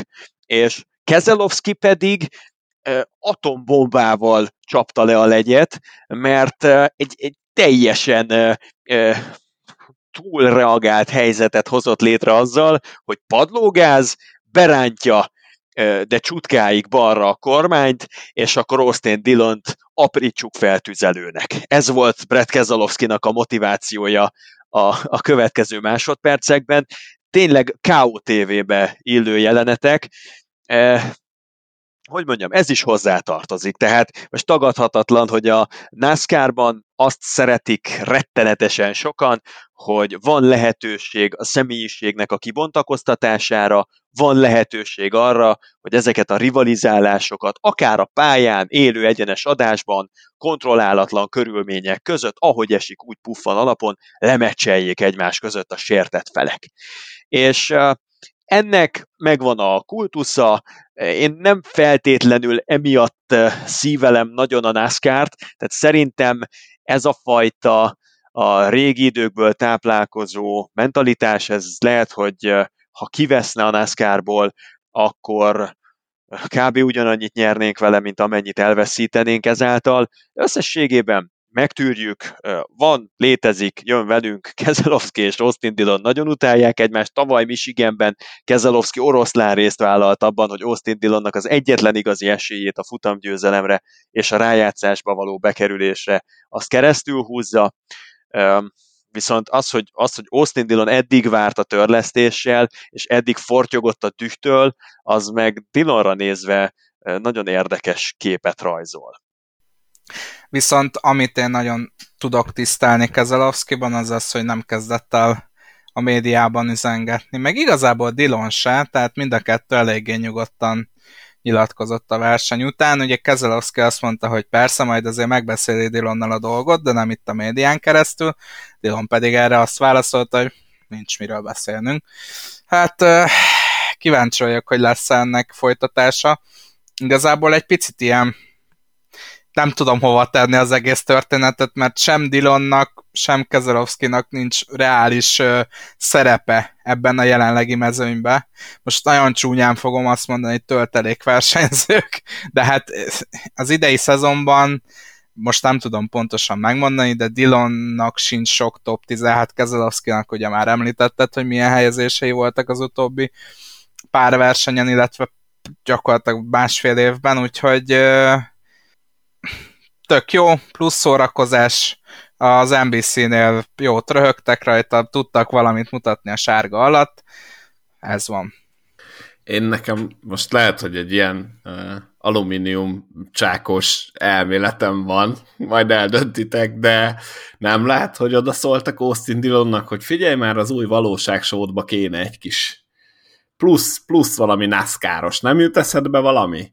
És így ülhetett Austin Dillon, hogy Árjál engem a Keszelowski tök sokszor kilökött, neki megyek a futamon. De hogyha ezt legalább fölvezette volna a Dillon, vagy hogyha ez, ez egy hozott történet lett volna. Tehát én azt gondolom, hogy a NASCAR-nak megvan az a menete, hogy egy bizonyos ideig, óráig a dolgok így, így, így előtérben vannak. Most már azt mondanám egyébként, és majd erre is kérlek válaszoljatok, hogy a William Byronnak is lassan vissza kéne adni Joey Logano-nak a, a dolgokat, amiket ő, ő ott évelején elszenvedett, és ahogy a Joey Logano behúzta az első győzelmét, az nem volt teljesen rendben, talán, de, de ez, amit az Austin Dillon fölemleget, ez az évekkel ezelőtt nekem jött, meg hát tavaly is azért volt egy valami kis koccanásunk, hát ezt nem így szokták visszaadni, hogy megvárják, hogy majd a naptár még átfordul 62-szer, és akkor megint ugyanoda jövünk, és akkor majd ott, vagy akkor legalább üzengetett volna a Dilon, vagy valahogy felvezette volna ezt, hogy ugye Brad, emlékszel 2021-ben, meg 2020-ban, lehet, hogy itt érik neked valami, és akkor ez egy felépített sztori, és akkor még nagyobbat kacagok, amikor ezt látom. De hát ez így a semmiből, hogy egy sárga alatt Képzeljétek el magatokat Brad Keselowski helyébe, hogy ott ültök, daloláztok, kocsikáztok viszonylag jó helyen, és akkor ez csak jön egy Austin Dillon, és így neki jön a kocsit bal elejének. Hát lehet, hogy én is úgy reagáltam volna, hogy Keselowski, hogy így minden előzmény nélkül ez így bekövetkezik, és ugye Keselowski neki állt mészárolni, majd az Austin Dillon rádiózása volt a kőkemény, szerintem. Tehát nálam nálam a Dillon, nem tudom, hogy 10 méter de mélyebbre ásta magát most ezzel a sztorival, és ahogy néztem a rajongóknál is, mert megint jöttek az ezüst kanák kommentek, de, de hogy ez hogy gondolja ki Dillon, és, és mire számít? Tehát, hogyha van, van olyan oroszlán a mezőnyben, amelyiknek nem piszkálnám meg a bajszát, főleg ilyen előzmények nélkül, vagy úgy mondom, hogy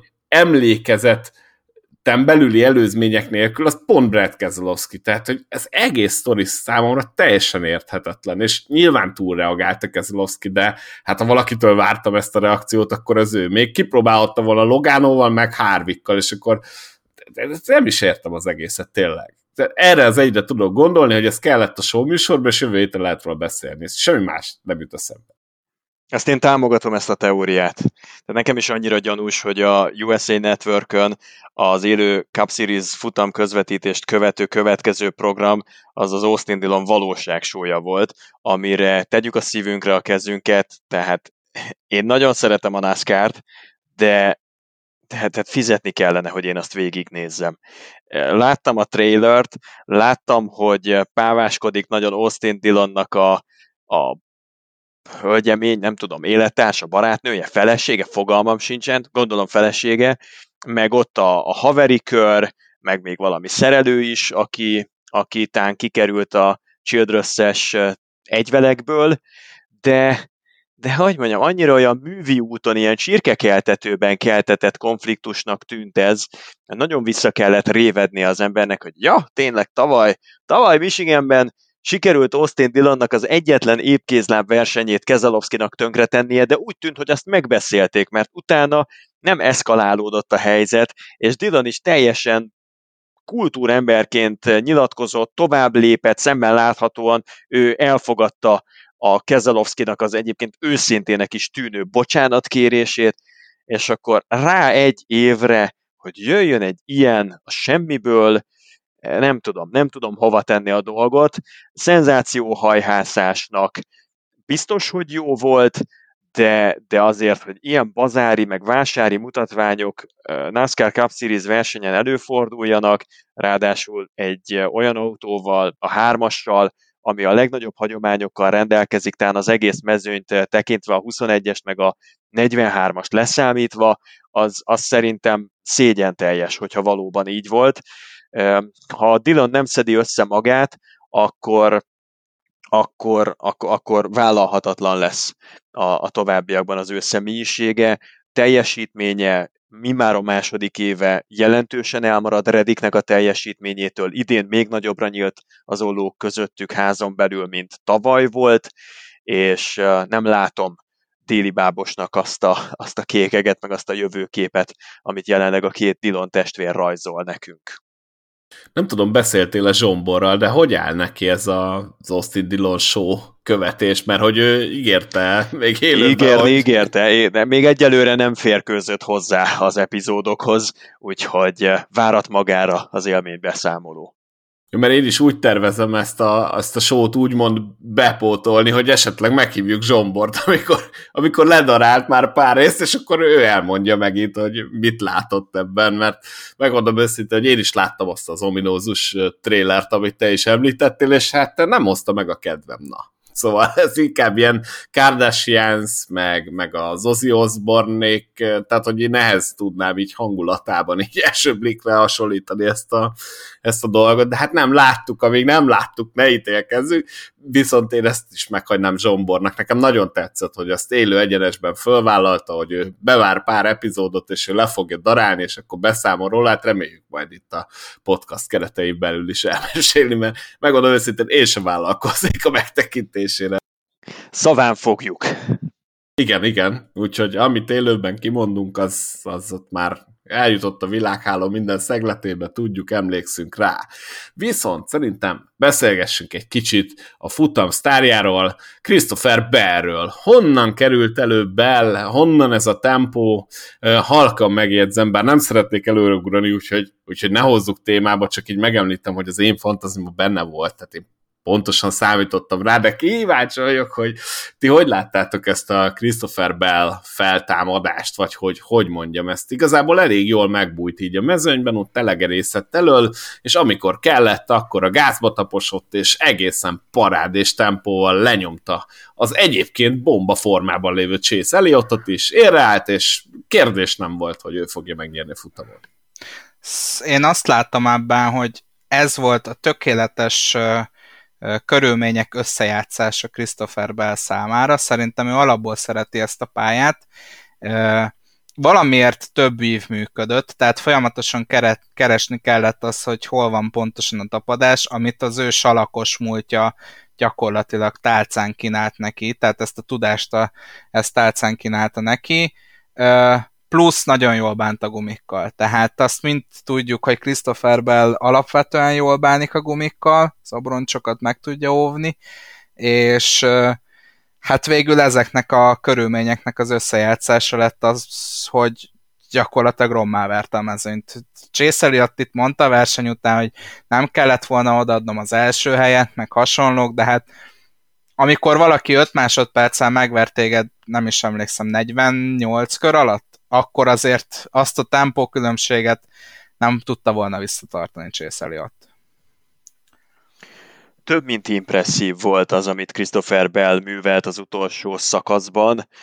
Egy árva penit nem adtam volna a második szakasz végén, hogy Christopher Bell tényező lesz a végjátékban. Nekem is benne volt a fantasy csapatomban, de a 10 körrel, 15 körrel a második szakasz vége előtt választanom kellett, hogy kit vegyek ki.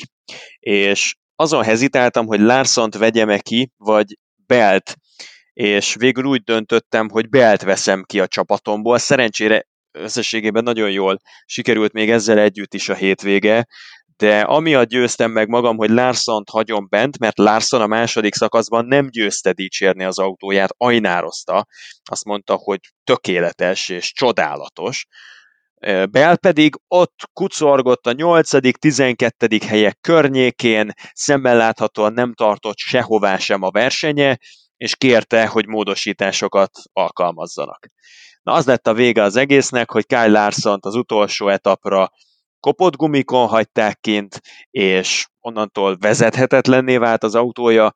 Christopher Bellnél meg beújítottak, mindent bepakoltak, ami a kezük ügyébe akadt, és bejöttek a módosítások. Hosszú etapon senki nem tudott még a versenyt korábban domináló Truex, vagy a végére megint nagyon jól időzítő Eliott sem tudott konkurálni Christopher Bellel, és egy nagyon sima, bántóan sima győzelmet aratott a mezőny szempontjából. Móresre tanította őket, mert osztálykülönbség volt a 20-as kocsi és a mezőny többi tagja között, Eliott nagyon önkritikusan nyilatkozott megint csak, mert azt mondta, hogy ha belvezette volna az ő autóját, akkor ugyanúgy belnyerte volna a futamot, tehát saját magát hibáztatta Eliott, és arra hegyezte ki, hogy versenyzői tudásbeli különbség lépett fel az utolsó körökben, mert Bel sokkal jobban alkalmazkodott a körülményekhez, mint Eliott. Ennek valószínű, hogy a fele igaz, tehát ő is látta és megint ismételném magam, soha senki nem képes úgy felismerni a tehetséget a versenypályán, mint egyik pilóta a másik tehetségét. De ő is látta, hogy amit Bell az utolsó etapon kihozott azokból a gumikból, az valami egészen különleges. Az nem minden héten kerül elő a cilinderből.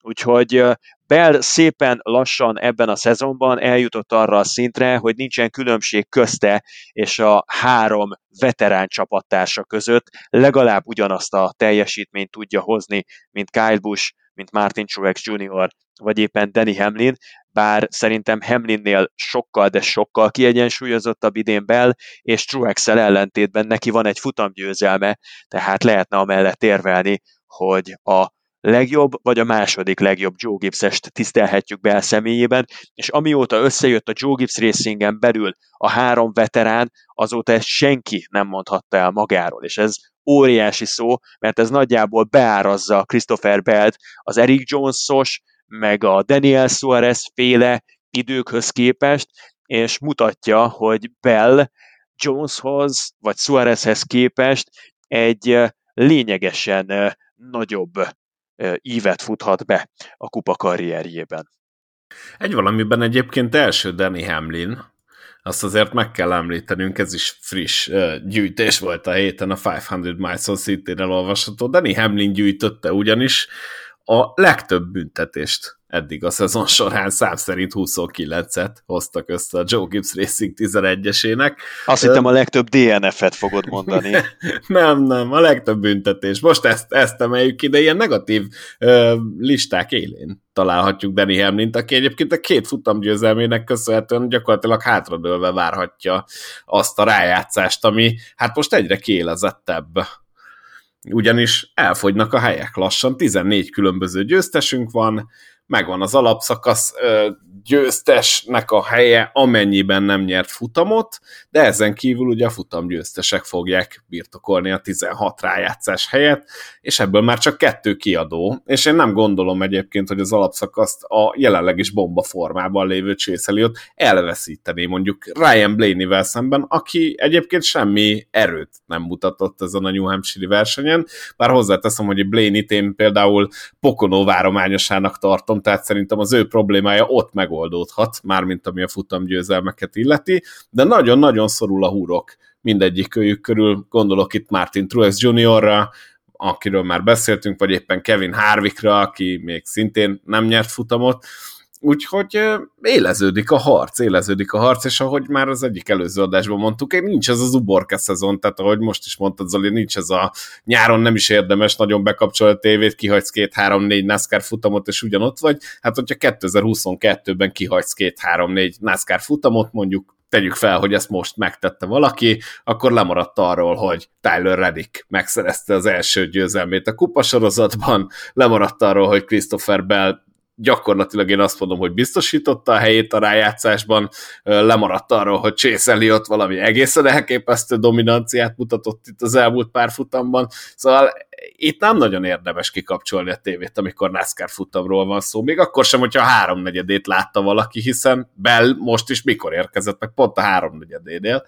Elképesztő az idei szezon és az egyik legfontosabb történés az elmúlt egy hónapból, hogy Kevin Harvick kiszorult a rájátszásba provizórikusan bejutóknak a listájáról, sőt, tovább megyek, Kevin Harvick a kötelező győzelem szenáriójában találja magát, épp úgy, mint ahogyan például Erik Álmiróla is, azzal, hogy Christopher Bell ezen a hétvégén átesett a tűzkeresztségen, azzal bizony az is elvált, hogy Harvicknak innentől egyszerűsödik a stratégiája, semmire nem megy. A top 5 nem szabad a továbbiakban konzervatívabb stratégiát eh, választani a versenyek hajrájában, hiszen innentől csak a győzelem elfogadható a számára. Túl nagy a különbség közte és Bléni, valamint Truex között, úgyhogy Harvicknak csak a győzelem hozhat áttörést. És mit gondoltok, hogy Pokonóban kinek lehet esélye? A győzelemre? Hát, ha már ez a tippelős rész, akkor én Ryan Blaney-t mondanám.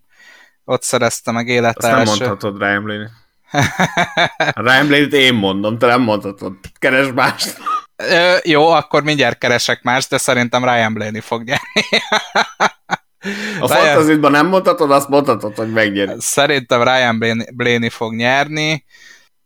Hát, Kyle Busch biztos, hogy jól fog szerepelni. Szerintem a Sevik is jók lesznek. Én Kyle Busch mondom akkor győztesnek. Úgymond győztesnek, vagy hát fantasy picknek. Ja, akkor, akkor most ez már legyen tényleg a fantasy pick hivatalos, tehát a tiéd Kyle Busch. Tehát én... akkor Ryan Blaney győztes, és Kyle Busch a fantasy pickem. Jó, én nekem Ryan Blaney a fantasy pickem, szeretném leszögezni én azért, azért vettem el tőled a Ryan Blaney-t, mert ugye így vezettem föl, hogy Ryan Blaney szerintem megnyeri, és, és én, én ezt már itt szándékosan fantaziba dobtam. Uh, igazából Pokono következik, és ez az, ami fontos, és kimaradt a hétvégén. Egy elég speciális pálya a hétvégén, szóval most az adásban egy elég speciális pálya a Pokono részvény. Um, mit vártok, milyen futamot vártok, és akkor most már mondhatjuk a fantasy pickeket is teljesen official. Igazából csak Zoli eh, mondhatja a fantasy picket, mi már mondtuk. Oké. Okay. Én unalmas pacák leszek, én azt gondolom, hogy Kyle Larsonnak, ami nem jött össze tavaly, az össze fog jönni idén.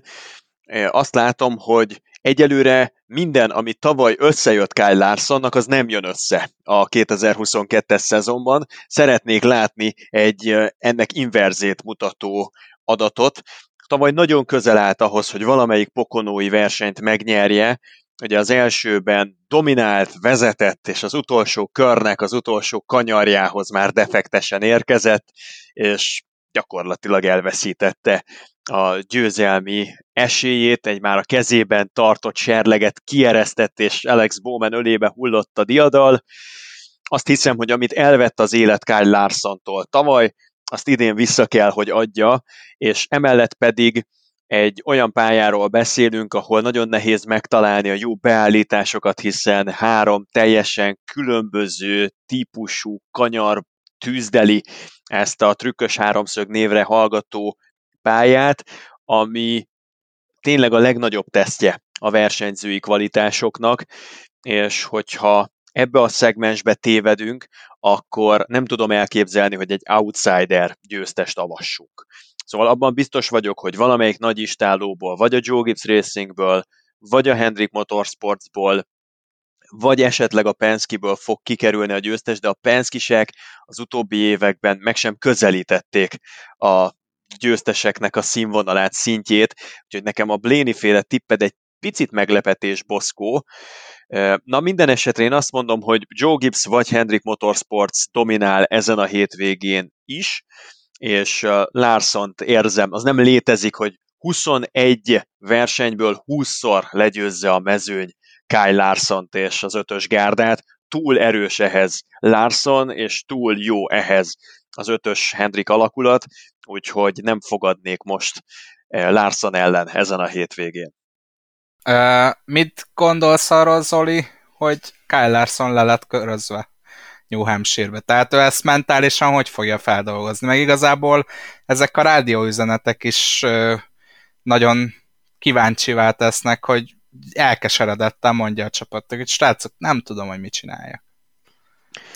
Nézd, nem vonnék le ebből messze menő következtetéseket, hiszen a második szakaszban ugyanennek a csapatnak a rádió forgalmazását, ha meghallgatod, akkor azt mondta, hogy csodálatos autón van, minden rendben. Az utolsó etapra, az utolsó szakaszra valóban elvakszolták magukat, azok a kopott gumik, azok teljesen felemésztették Larsont a végére, és talán ott egy picit hitehagyottá is vált, de Larson, aki rengeteg versenyen van túl, állandóan hétközben is szerepel, kapja azért a pofonokat az élettől, tehát nem csak fenékig tejfel, és egy ilyen minden papsajt alapon működő cirkusz ez a Kyle Larson féle versenyzés, hanem aki sokszor tűzálló overált vesz magára, azt nagyon sokszor meg is verik a matematika törvényszerűségei folytán, és le is körözik, hogyha rövidebb oválokon, salakpályákon megy, E, nem feltétlenül ismeretlen érzés számára. Azt sem szabad elfelejteni, hogy Kyle Larsonnak a pályafutása közel első egy kupás évtizede az arról szólt, hogy a középmezőnyt gyúrta, dagasztotta, és onnan emelkedett ki, e, úgyhogy én nem féltem ilyen szempontból Larsont. Az, hogy Kevin Mandering a csapatfőnök és csak távolról tudja vezérelni a gárdának a működését Cliff Daniels, az nyilván egy nagyon fájó pont, főleg Pokonóra vonatkoztatva, ez eh, nem lesz egy eh, egyszerű helyzet. Azt számolgatom, hogy hogy is állunk most pontosan ezzel az eltiltással, mert ugye túl vagyunk Szonomán, eh, talán még ez az utolsó verseny hétvége, amikor Cliff Daniels otthon marad Észak-Karolinában. Ettől függetlenül látok fantáziát abban, hogy jön Kevin Menderingel is egy futamgyőzelem.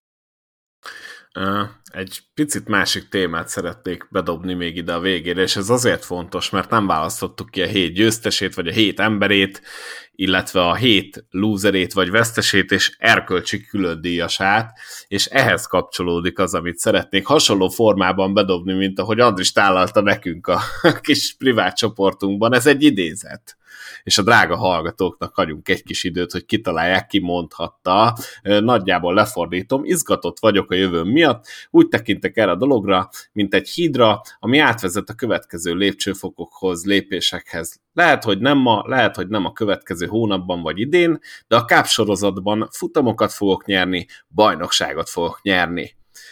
Most akkor itt hagyjunk egy ilyen három másodpercnyi gondolkodási időt a drága hallgatóknak, kinek a szavai lehetnek ezek, és akkor a megoldás, vagy a megfejtés, kérem szépen, ezt Ty Dillon mondta, akivel hát nem is tudom, hogy milyen formában, de közölték, hogy a jövőben nem tartanak igényt a szolgálataira a jelenlegi csapatánál, úgyhogy hát amennyiben úgy látja, akkor keressen magának egy jó kis ülést, mert hát Máki már úgy nincs.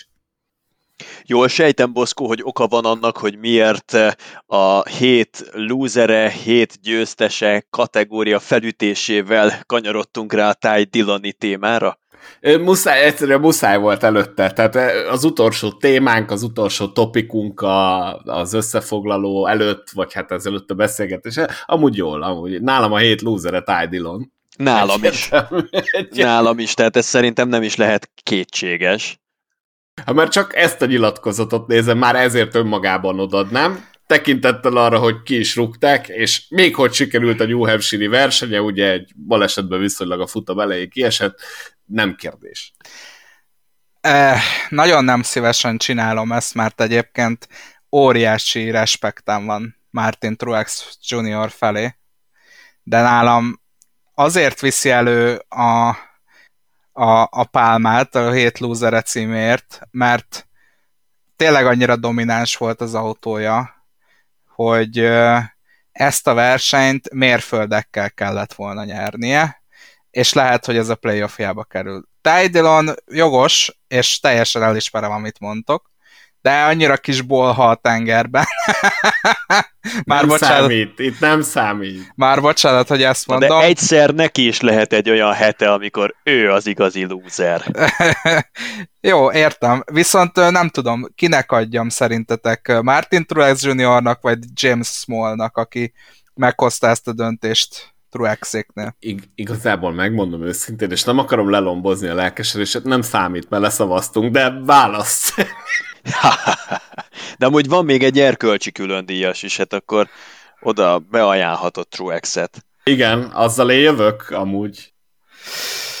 Jó, jó, akkor és legyen akkor Dylan. Itt, itt, Elfogadom, várjál, Dylan. Nem, nem, várj, várjál, tehát itt, itt már jelentőség teljes az a kérdés, amit előtt föltette, hogy melyik legyen. És akkor az elkölcsi külön díjasra benevezzük.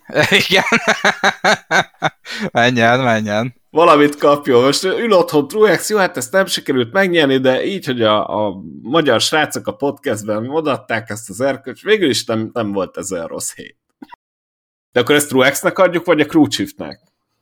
Az erkölcsi különdíjat az Truexnek adjuk, a hét lúzere kategóriában egy ezüstérmet megszavazzunk James Smallnak, mert megtalálta az egyetlen olyan stratégiát, amivel elveszíthette a versenyt Truex egy domináns autóval. Na jó, ez picit ki van sarkítva, mert Bell, amit a végén letett az asztalra elé ott a karöltve, az tényleg félelmetes, és tényleg nagyon ritkán jön el de ettől függetlenül ez a verseny Truexnek állt, és hogyha nem rontják el a gumistratégiát, és kint tud maradni relatíve tiszta levegőn, akkor azért nagyon megnéztem volna Christopher Bell és Martin Truex tűzijátékát a végén. Főleg úgy, hogy ugye, ha jól emlékszem, a második szakasznak a, az elején, vagy talán a harmadik szakasznak az elején volt az, hogy vissza is került Truex a mezőny, hát ilyen tizedik helyre, vagy hasonló pozícióba, és két-három kör alatt át mint kés a vajon átjött a mezőnyön, és Igen, az a második szakaszban helyre. volt, amikor Logano vezetett egy pár tucat Igen. kört. Tehát ott volt a ott volt a terv, ott volt az előzmény arra, hogy meg tudja csinálni Truex a négy friss gumin ezeket az előzéseket. És ezek után James Small azt mondta, hogy figyelj, cseréljünk kettőt. Tehát, hát mindegy, kicsit hasonló ez a helyzet, fú, az Fontana volt? Vagy Las Vegas? Ugye a híres Alex Bowman féle győzelem amikor, amikor Igen, megint Vegas. csak a gipszes csapatok hozták meg a rossz stratégiai döntést a verseny végén. Hát az zseniális, a úristen, tényleg. Volt ilyen.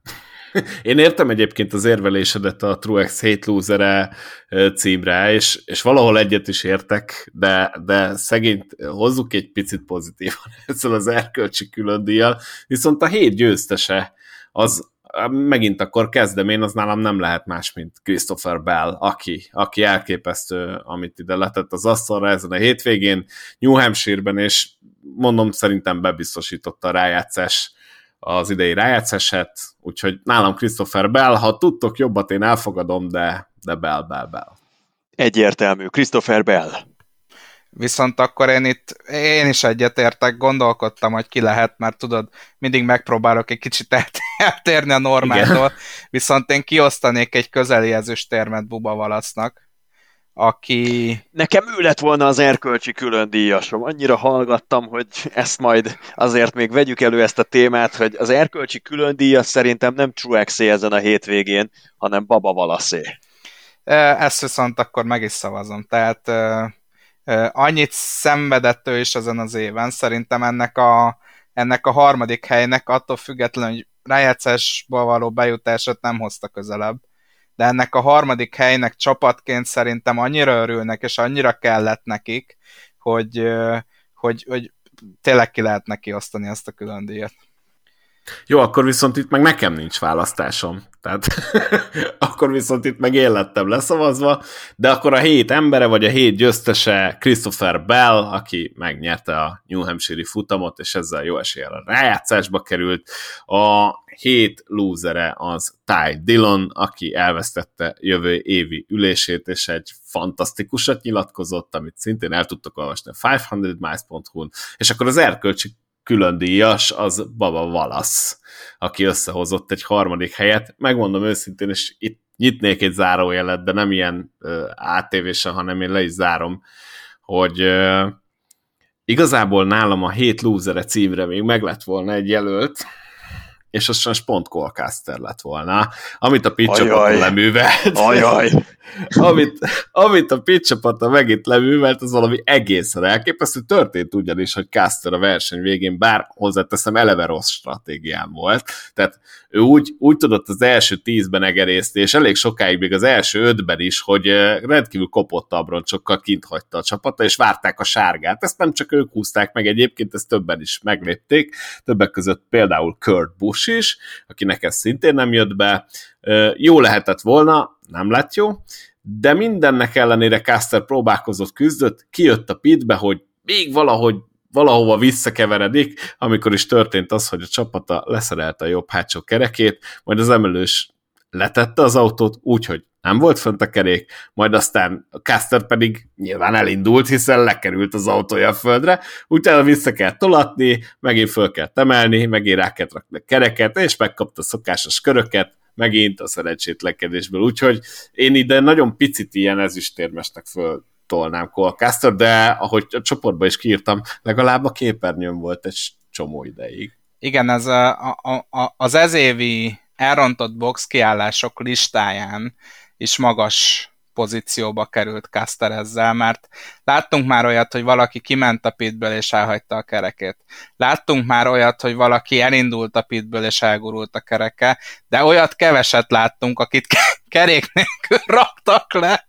Tehát ez azért, ez azért egy új szintre emelte ezt a idei sportágat az azért szerintem szerencsés dolog, hogy te vagy az alapító tagja a Colcaster fanklubnak, mert így a népharag és a bosszú nem tud elsöpörni, tudtommal az alapítót nem lehet kitenni a fanklubból, úgyhogy eh, ez azért meredek, nem? Hogy, hogy beteszed a, a, a, a fanklub és az imádat tárgyát a hét lúzere kategóriában a második helyre. De becsülöm, tehát eh, szó se róla, tetszik objektivitás, objektivitás, ez nem, tehát ez annyira loser dolog volt, hogy ezt, ezt nem muszáj volt legalább megemlítenem, ha nem is szavaztuk meg, mert ugye az már eldőlt, hogy tárgyalod, de muszáj volt megemlítenem, tehát ennyire pehes sávó kevés van a mezőnyben, de ez tényleg, e, tehát a Stuart House részénél szerintem van ez az elrontott pitkiállások bingo, és valakinek ez nagyon kellett hozzá, hogy kerék nélkül tegyük le és ez ott volt az egyik oszlop, egyik sorba, és nem tudta egyszerűen kiixelni eddig a pillanatig, most megvan.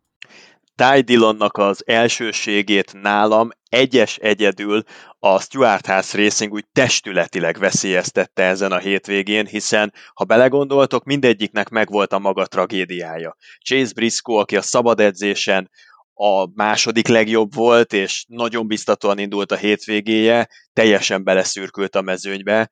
Erika Amirola a futam címvédőjeként váltóhiba miatt kiállni kényszerült. Kevin Harvick, akinek Szonomához hasonlóan most is felcsillant egy győzelmi esély, aztán nagyon csúnyán megfenek lett ez a projekt, és Colcaster természetesen habatortán, úgyhogy ha valaki fel tudja venni a versenyt negatív értelemben ezen a héten Ty a hét lúzere címért, akkor az ilyen, olyan és amolyan okokból kifolyólag testületileg a Stuart ház. És ehhez én már nem tudok mit hozzátenni, csak egy fontos információ, ugyanis Haley Deegan születésnapján vesszük fel ezt a podcastot, úgyhogy innen is boldog születésnapot kívánunk neki. Itt alakul a következő fanklub, kérem. Hát egyébként simán. Lehet, hogy e- e- garantálom neked, hogy az első napon már több csatlakozó na, na, na, lesz. Na, na, na. attól függ, milyen képeket teszel ki a borítóra. Hát Azért egyébként... is van ám jó oldala. Ajaj, azt nem Egy... biztos, hogy látni akarjuk. Egy picit azt gondolom, hogy előnyből indulna ez a rajongói klub. Nem, nem gondolom. Szerintem nem tudják ki az. Amúgy. Hát, Csak ö... azt látnák, hogy csaj és X. Like. Hát igen, így van. Le, legyenek ilyen, én úgy benne vagyok, hogy meg összemérjük a két rajongói klubot, hogy legyenek ilyen ö, olyan kérdések a pilótával kapcsolatban, aki, amit egy igazi rajongónak tudnia kell, de nem található meg nagyon az interneten. És realisztikusan te azt gondolod, hogy a Colcaster rajongói klub ö, tagjai közül sokan ezt fogják tudni. Hiszem, hiszem, hogy mindenki igaz Colcaster követő, és nincsenek imposztorok a csoportunkban. ja, ja, ja. Jó, oké. Okay. Na, szerintem mára kifulladtunk, nem? Mit gondoltok? Legyen ez egy ilyen rövidített, nem is szóltuk a futóknak, bocs. Hát, azért hát igen, aki nagyon elkolbászolt otthonról, az most sürgősen forduljon vissza, és fogjon egy taxit. Igen, most már nem lesz egy óra 40. Most azon gondolkozok, hogy ha elindulsz innen a Budapest belvárosából, akkor meddig tudsz egy óra 42 perc alatt egy ilyen szép, csendes, lassú tempóban elkocogni? Hát azért most Budapest belvárosában a szép és csendes az viszonylag... Hát a, te, a tempóra gondol. Jó, hát nyilván feltételező, hogy nem kezdenek el üldözni itt a... Nem sét, ha nem sétálsz tüntetésbe, akkor, akkor igen, akkor elég messzire el lehet jutni. Ha belesétálsz egy tüntetésbe, akkor lehet, hogy 10 percre vagy az otthonot. Még egy óra 40 után is. És még lehet, hogy villamossal is. Na jó, szerintem ennyi volt már a, a Menjetek Körbe podcast. Egyébként megnéztem 23. epizódja, lájkoljatok minket, kövessetek minket, van most már egy szuper kis blogunk is, ahol kirakjuk az adásokat, olvassátok a 500miles.hu-t és nézzétek az Arena 4-en a NASCAR-t, ami vasárnap este 9-kor lesz a Pocono részfélyen, bár a legjobb tudomásom szerint csak az Arena 4 pluszon exkluzív tartalomként tekinthető meg itthon, hogyha nem maradt bennünk semmi, akkor elköszönünk. Maradt valami? Bennem semmi. Mindent, mindent kiszívtatok belőlem ezzel a két fanklubbal. Most már nem csak, tehát tényleg úgy érzem magam, hogy, hogy, hogy magamra maradok a mértéktartással és a józanész parancsával a, a Colcaster fanatizálás és bálványozás mellett most érkezik egy újabb tematika a folytatásban. Elképesztőek vagytok, srácok. Azt egyébként tudjuk, hogy Jesse Punch és Hailey Digan milyen viszonyban vannak egymással? Hogy barátok, vagy ismerik egymást? Nem tudom, de szerintem Zoli közelebbi kapcsolatban van vele, hiszen ő fordítja minden héten a, a kis update igen, annyira aranyos volt most például ezen a hétvégén Jesse Punch, mert, mert ő tulajdonképpen felment szerintem vagy a NASCAR.com-ra, vagy az NBC-nek a hivatalos oldalára, és onnan statisztikai adatokat töltött le, és volt három vagy négy bejelentkezése, ahol elkezdte sorolni, hogy az utolsó nyolc itt megrendezett versenyből hatszor, amikor vezetőváltás történt az utolsó tíz körben, akkor Joe Gibbs Racingest előztek meg, és akkor tudod, ezt így a futamnak a harmadik órájában a hajrára felkészülvén, ez annyira el tudja vinni egy másik irányba a diskurzust, nagyon nehéz úgy beépíteni a közvetítésbe, hogy utána vissza tudjunk térni arra a témára, amiről korábban beszéltünk. Na mindegy, nagyon aranyos egyébként Jesse Punch ilyen szempontból, meg látszik rajta az igyekezet, az, hogy szeretné ezt jól csinálni, és valahogy a Haley Digony világkép is, is hasonlóan épül fel szerintem, mert a szorgalom, az alázat és a, és a munkamorál az ott is megvan. Arra leszek nagyon kíváncsi, hogy az ő tehetsége az meddig tudja vinni előre, mert érzünk azért szerintem mindannyian egy marketing gépezetet ebben az egészben, ami úgy szépen a háttérből pörgeti a dolgokat, ugye? ugye? Még nem, tán... ne határolódok. Na, azt mondod, hogy, hogy oké, okay, oké, okay, akkor, akkor dobjál be a busz alá, rendben van. Én, én, én el... rekordot döntött, nem tudom, miről beszéltek. Pure talent, erre azt mondja az angol, pure talent. Midohájóban olyan tettet hajtott végre, amire még Danica Patrick sem volt képes. Még Danica Patrick sem. Az, ezt morzsolgassuk. Teljesen szét, valamelyik Valamelyik korábbi adásban mondtad, Zoli, még nagyon az elején, hogy szerinted ez Magyarország legkevésbé előre megszerkesztett és megint podcast. Én most érzem ezt a pillanatot. Most elköszönésből Jesse, Jesse Patch, Haley Deegan Fan Club, Mid Ohio, Danica Patrick, és mit, mit hozott össze, amit Danikának nem sikerült? Kiderül, Igen. hogy azoknak a futóknak volt igazuk, akik nem fordultak még vissza, mert következő másfél órára ez így elég is. Azoknak volt az igazuk, akik a wireless kis fülhallgatójukat bedobták valami közellévő csatorna fedélbe. De most már nagyon furdal a kíváncsiság, hogy mit, mit ért el, amit Danica Patrick sem tudott. Megmondom őszintén, hogy már De nagyon fontos volt, úgyhogy most utána nézek, amíg elmondjátok, hogy pontosan uh, mikor és hol lesznek a hétvégi közvetítések. Igen, már, azon már túl vagyunk. Igen, Igen? Ez, már, ez már megvolt. Akkor viszont, amíg... De, de amíg keresed, amíg keresed, Igen? addig egy gondolat bánt engemet. Az az egy gondolat, az pedig úgy hangzik, hogy Noah Gregson szerintem egy teljesen esélyes kandidáns arra, hogy a nyolcast átvegye. Mit az nagy baj ehhez? lenne. Ú, az nagy baj lenne. Szerintem Noah Gregson az nem kap matéria. Még jelenleg, később lehet, de jelenlegi állás szerint, főleg amit láttunk Road Amerikán, Isten mentsen meg minket attól, hogy fölkerüljön. Talán Midohájóból fontosabb hírek érkeznek, ugye Andris?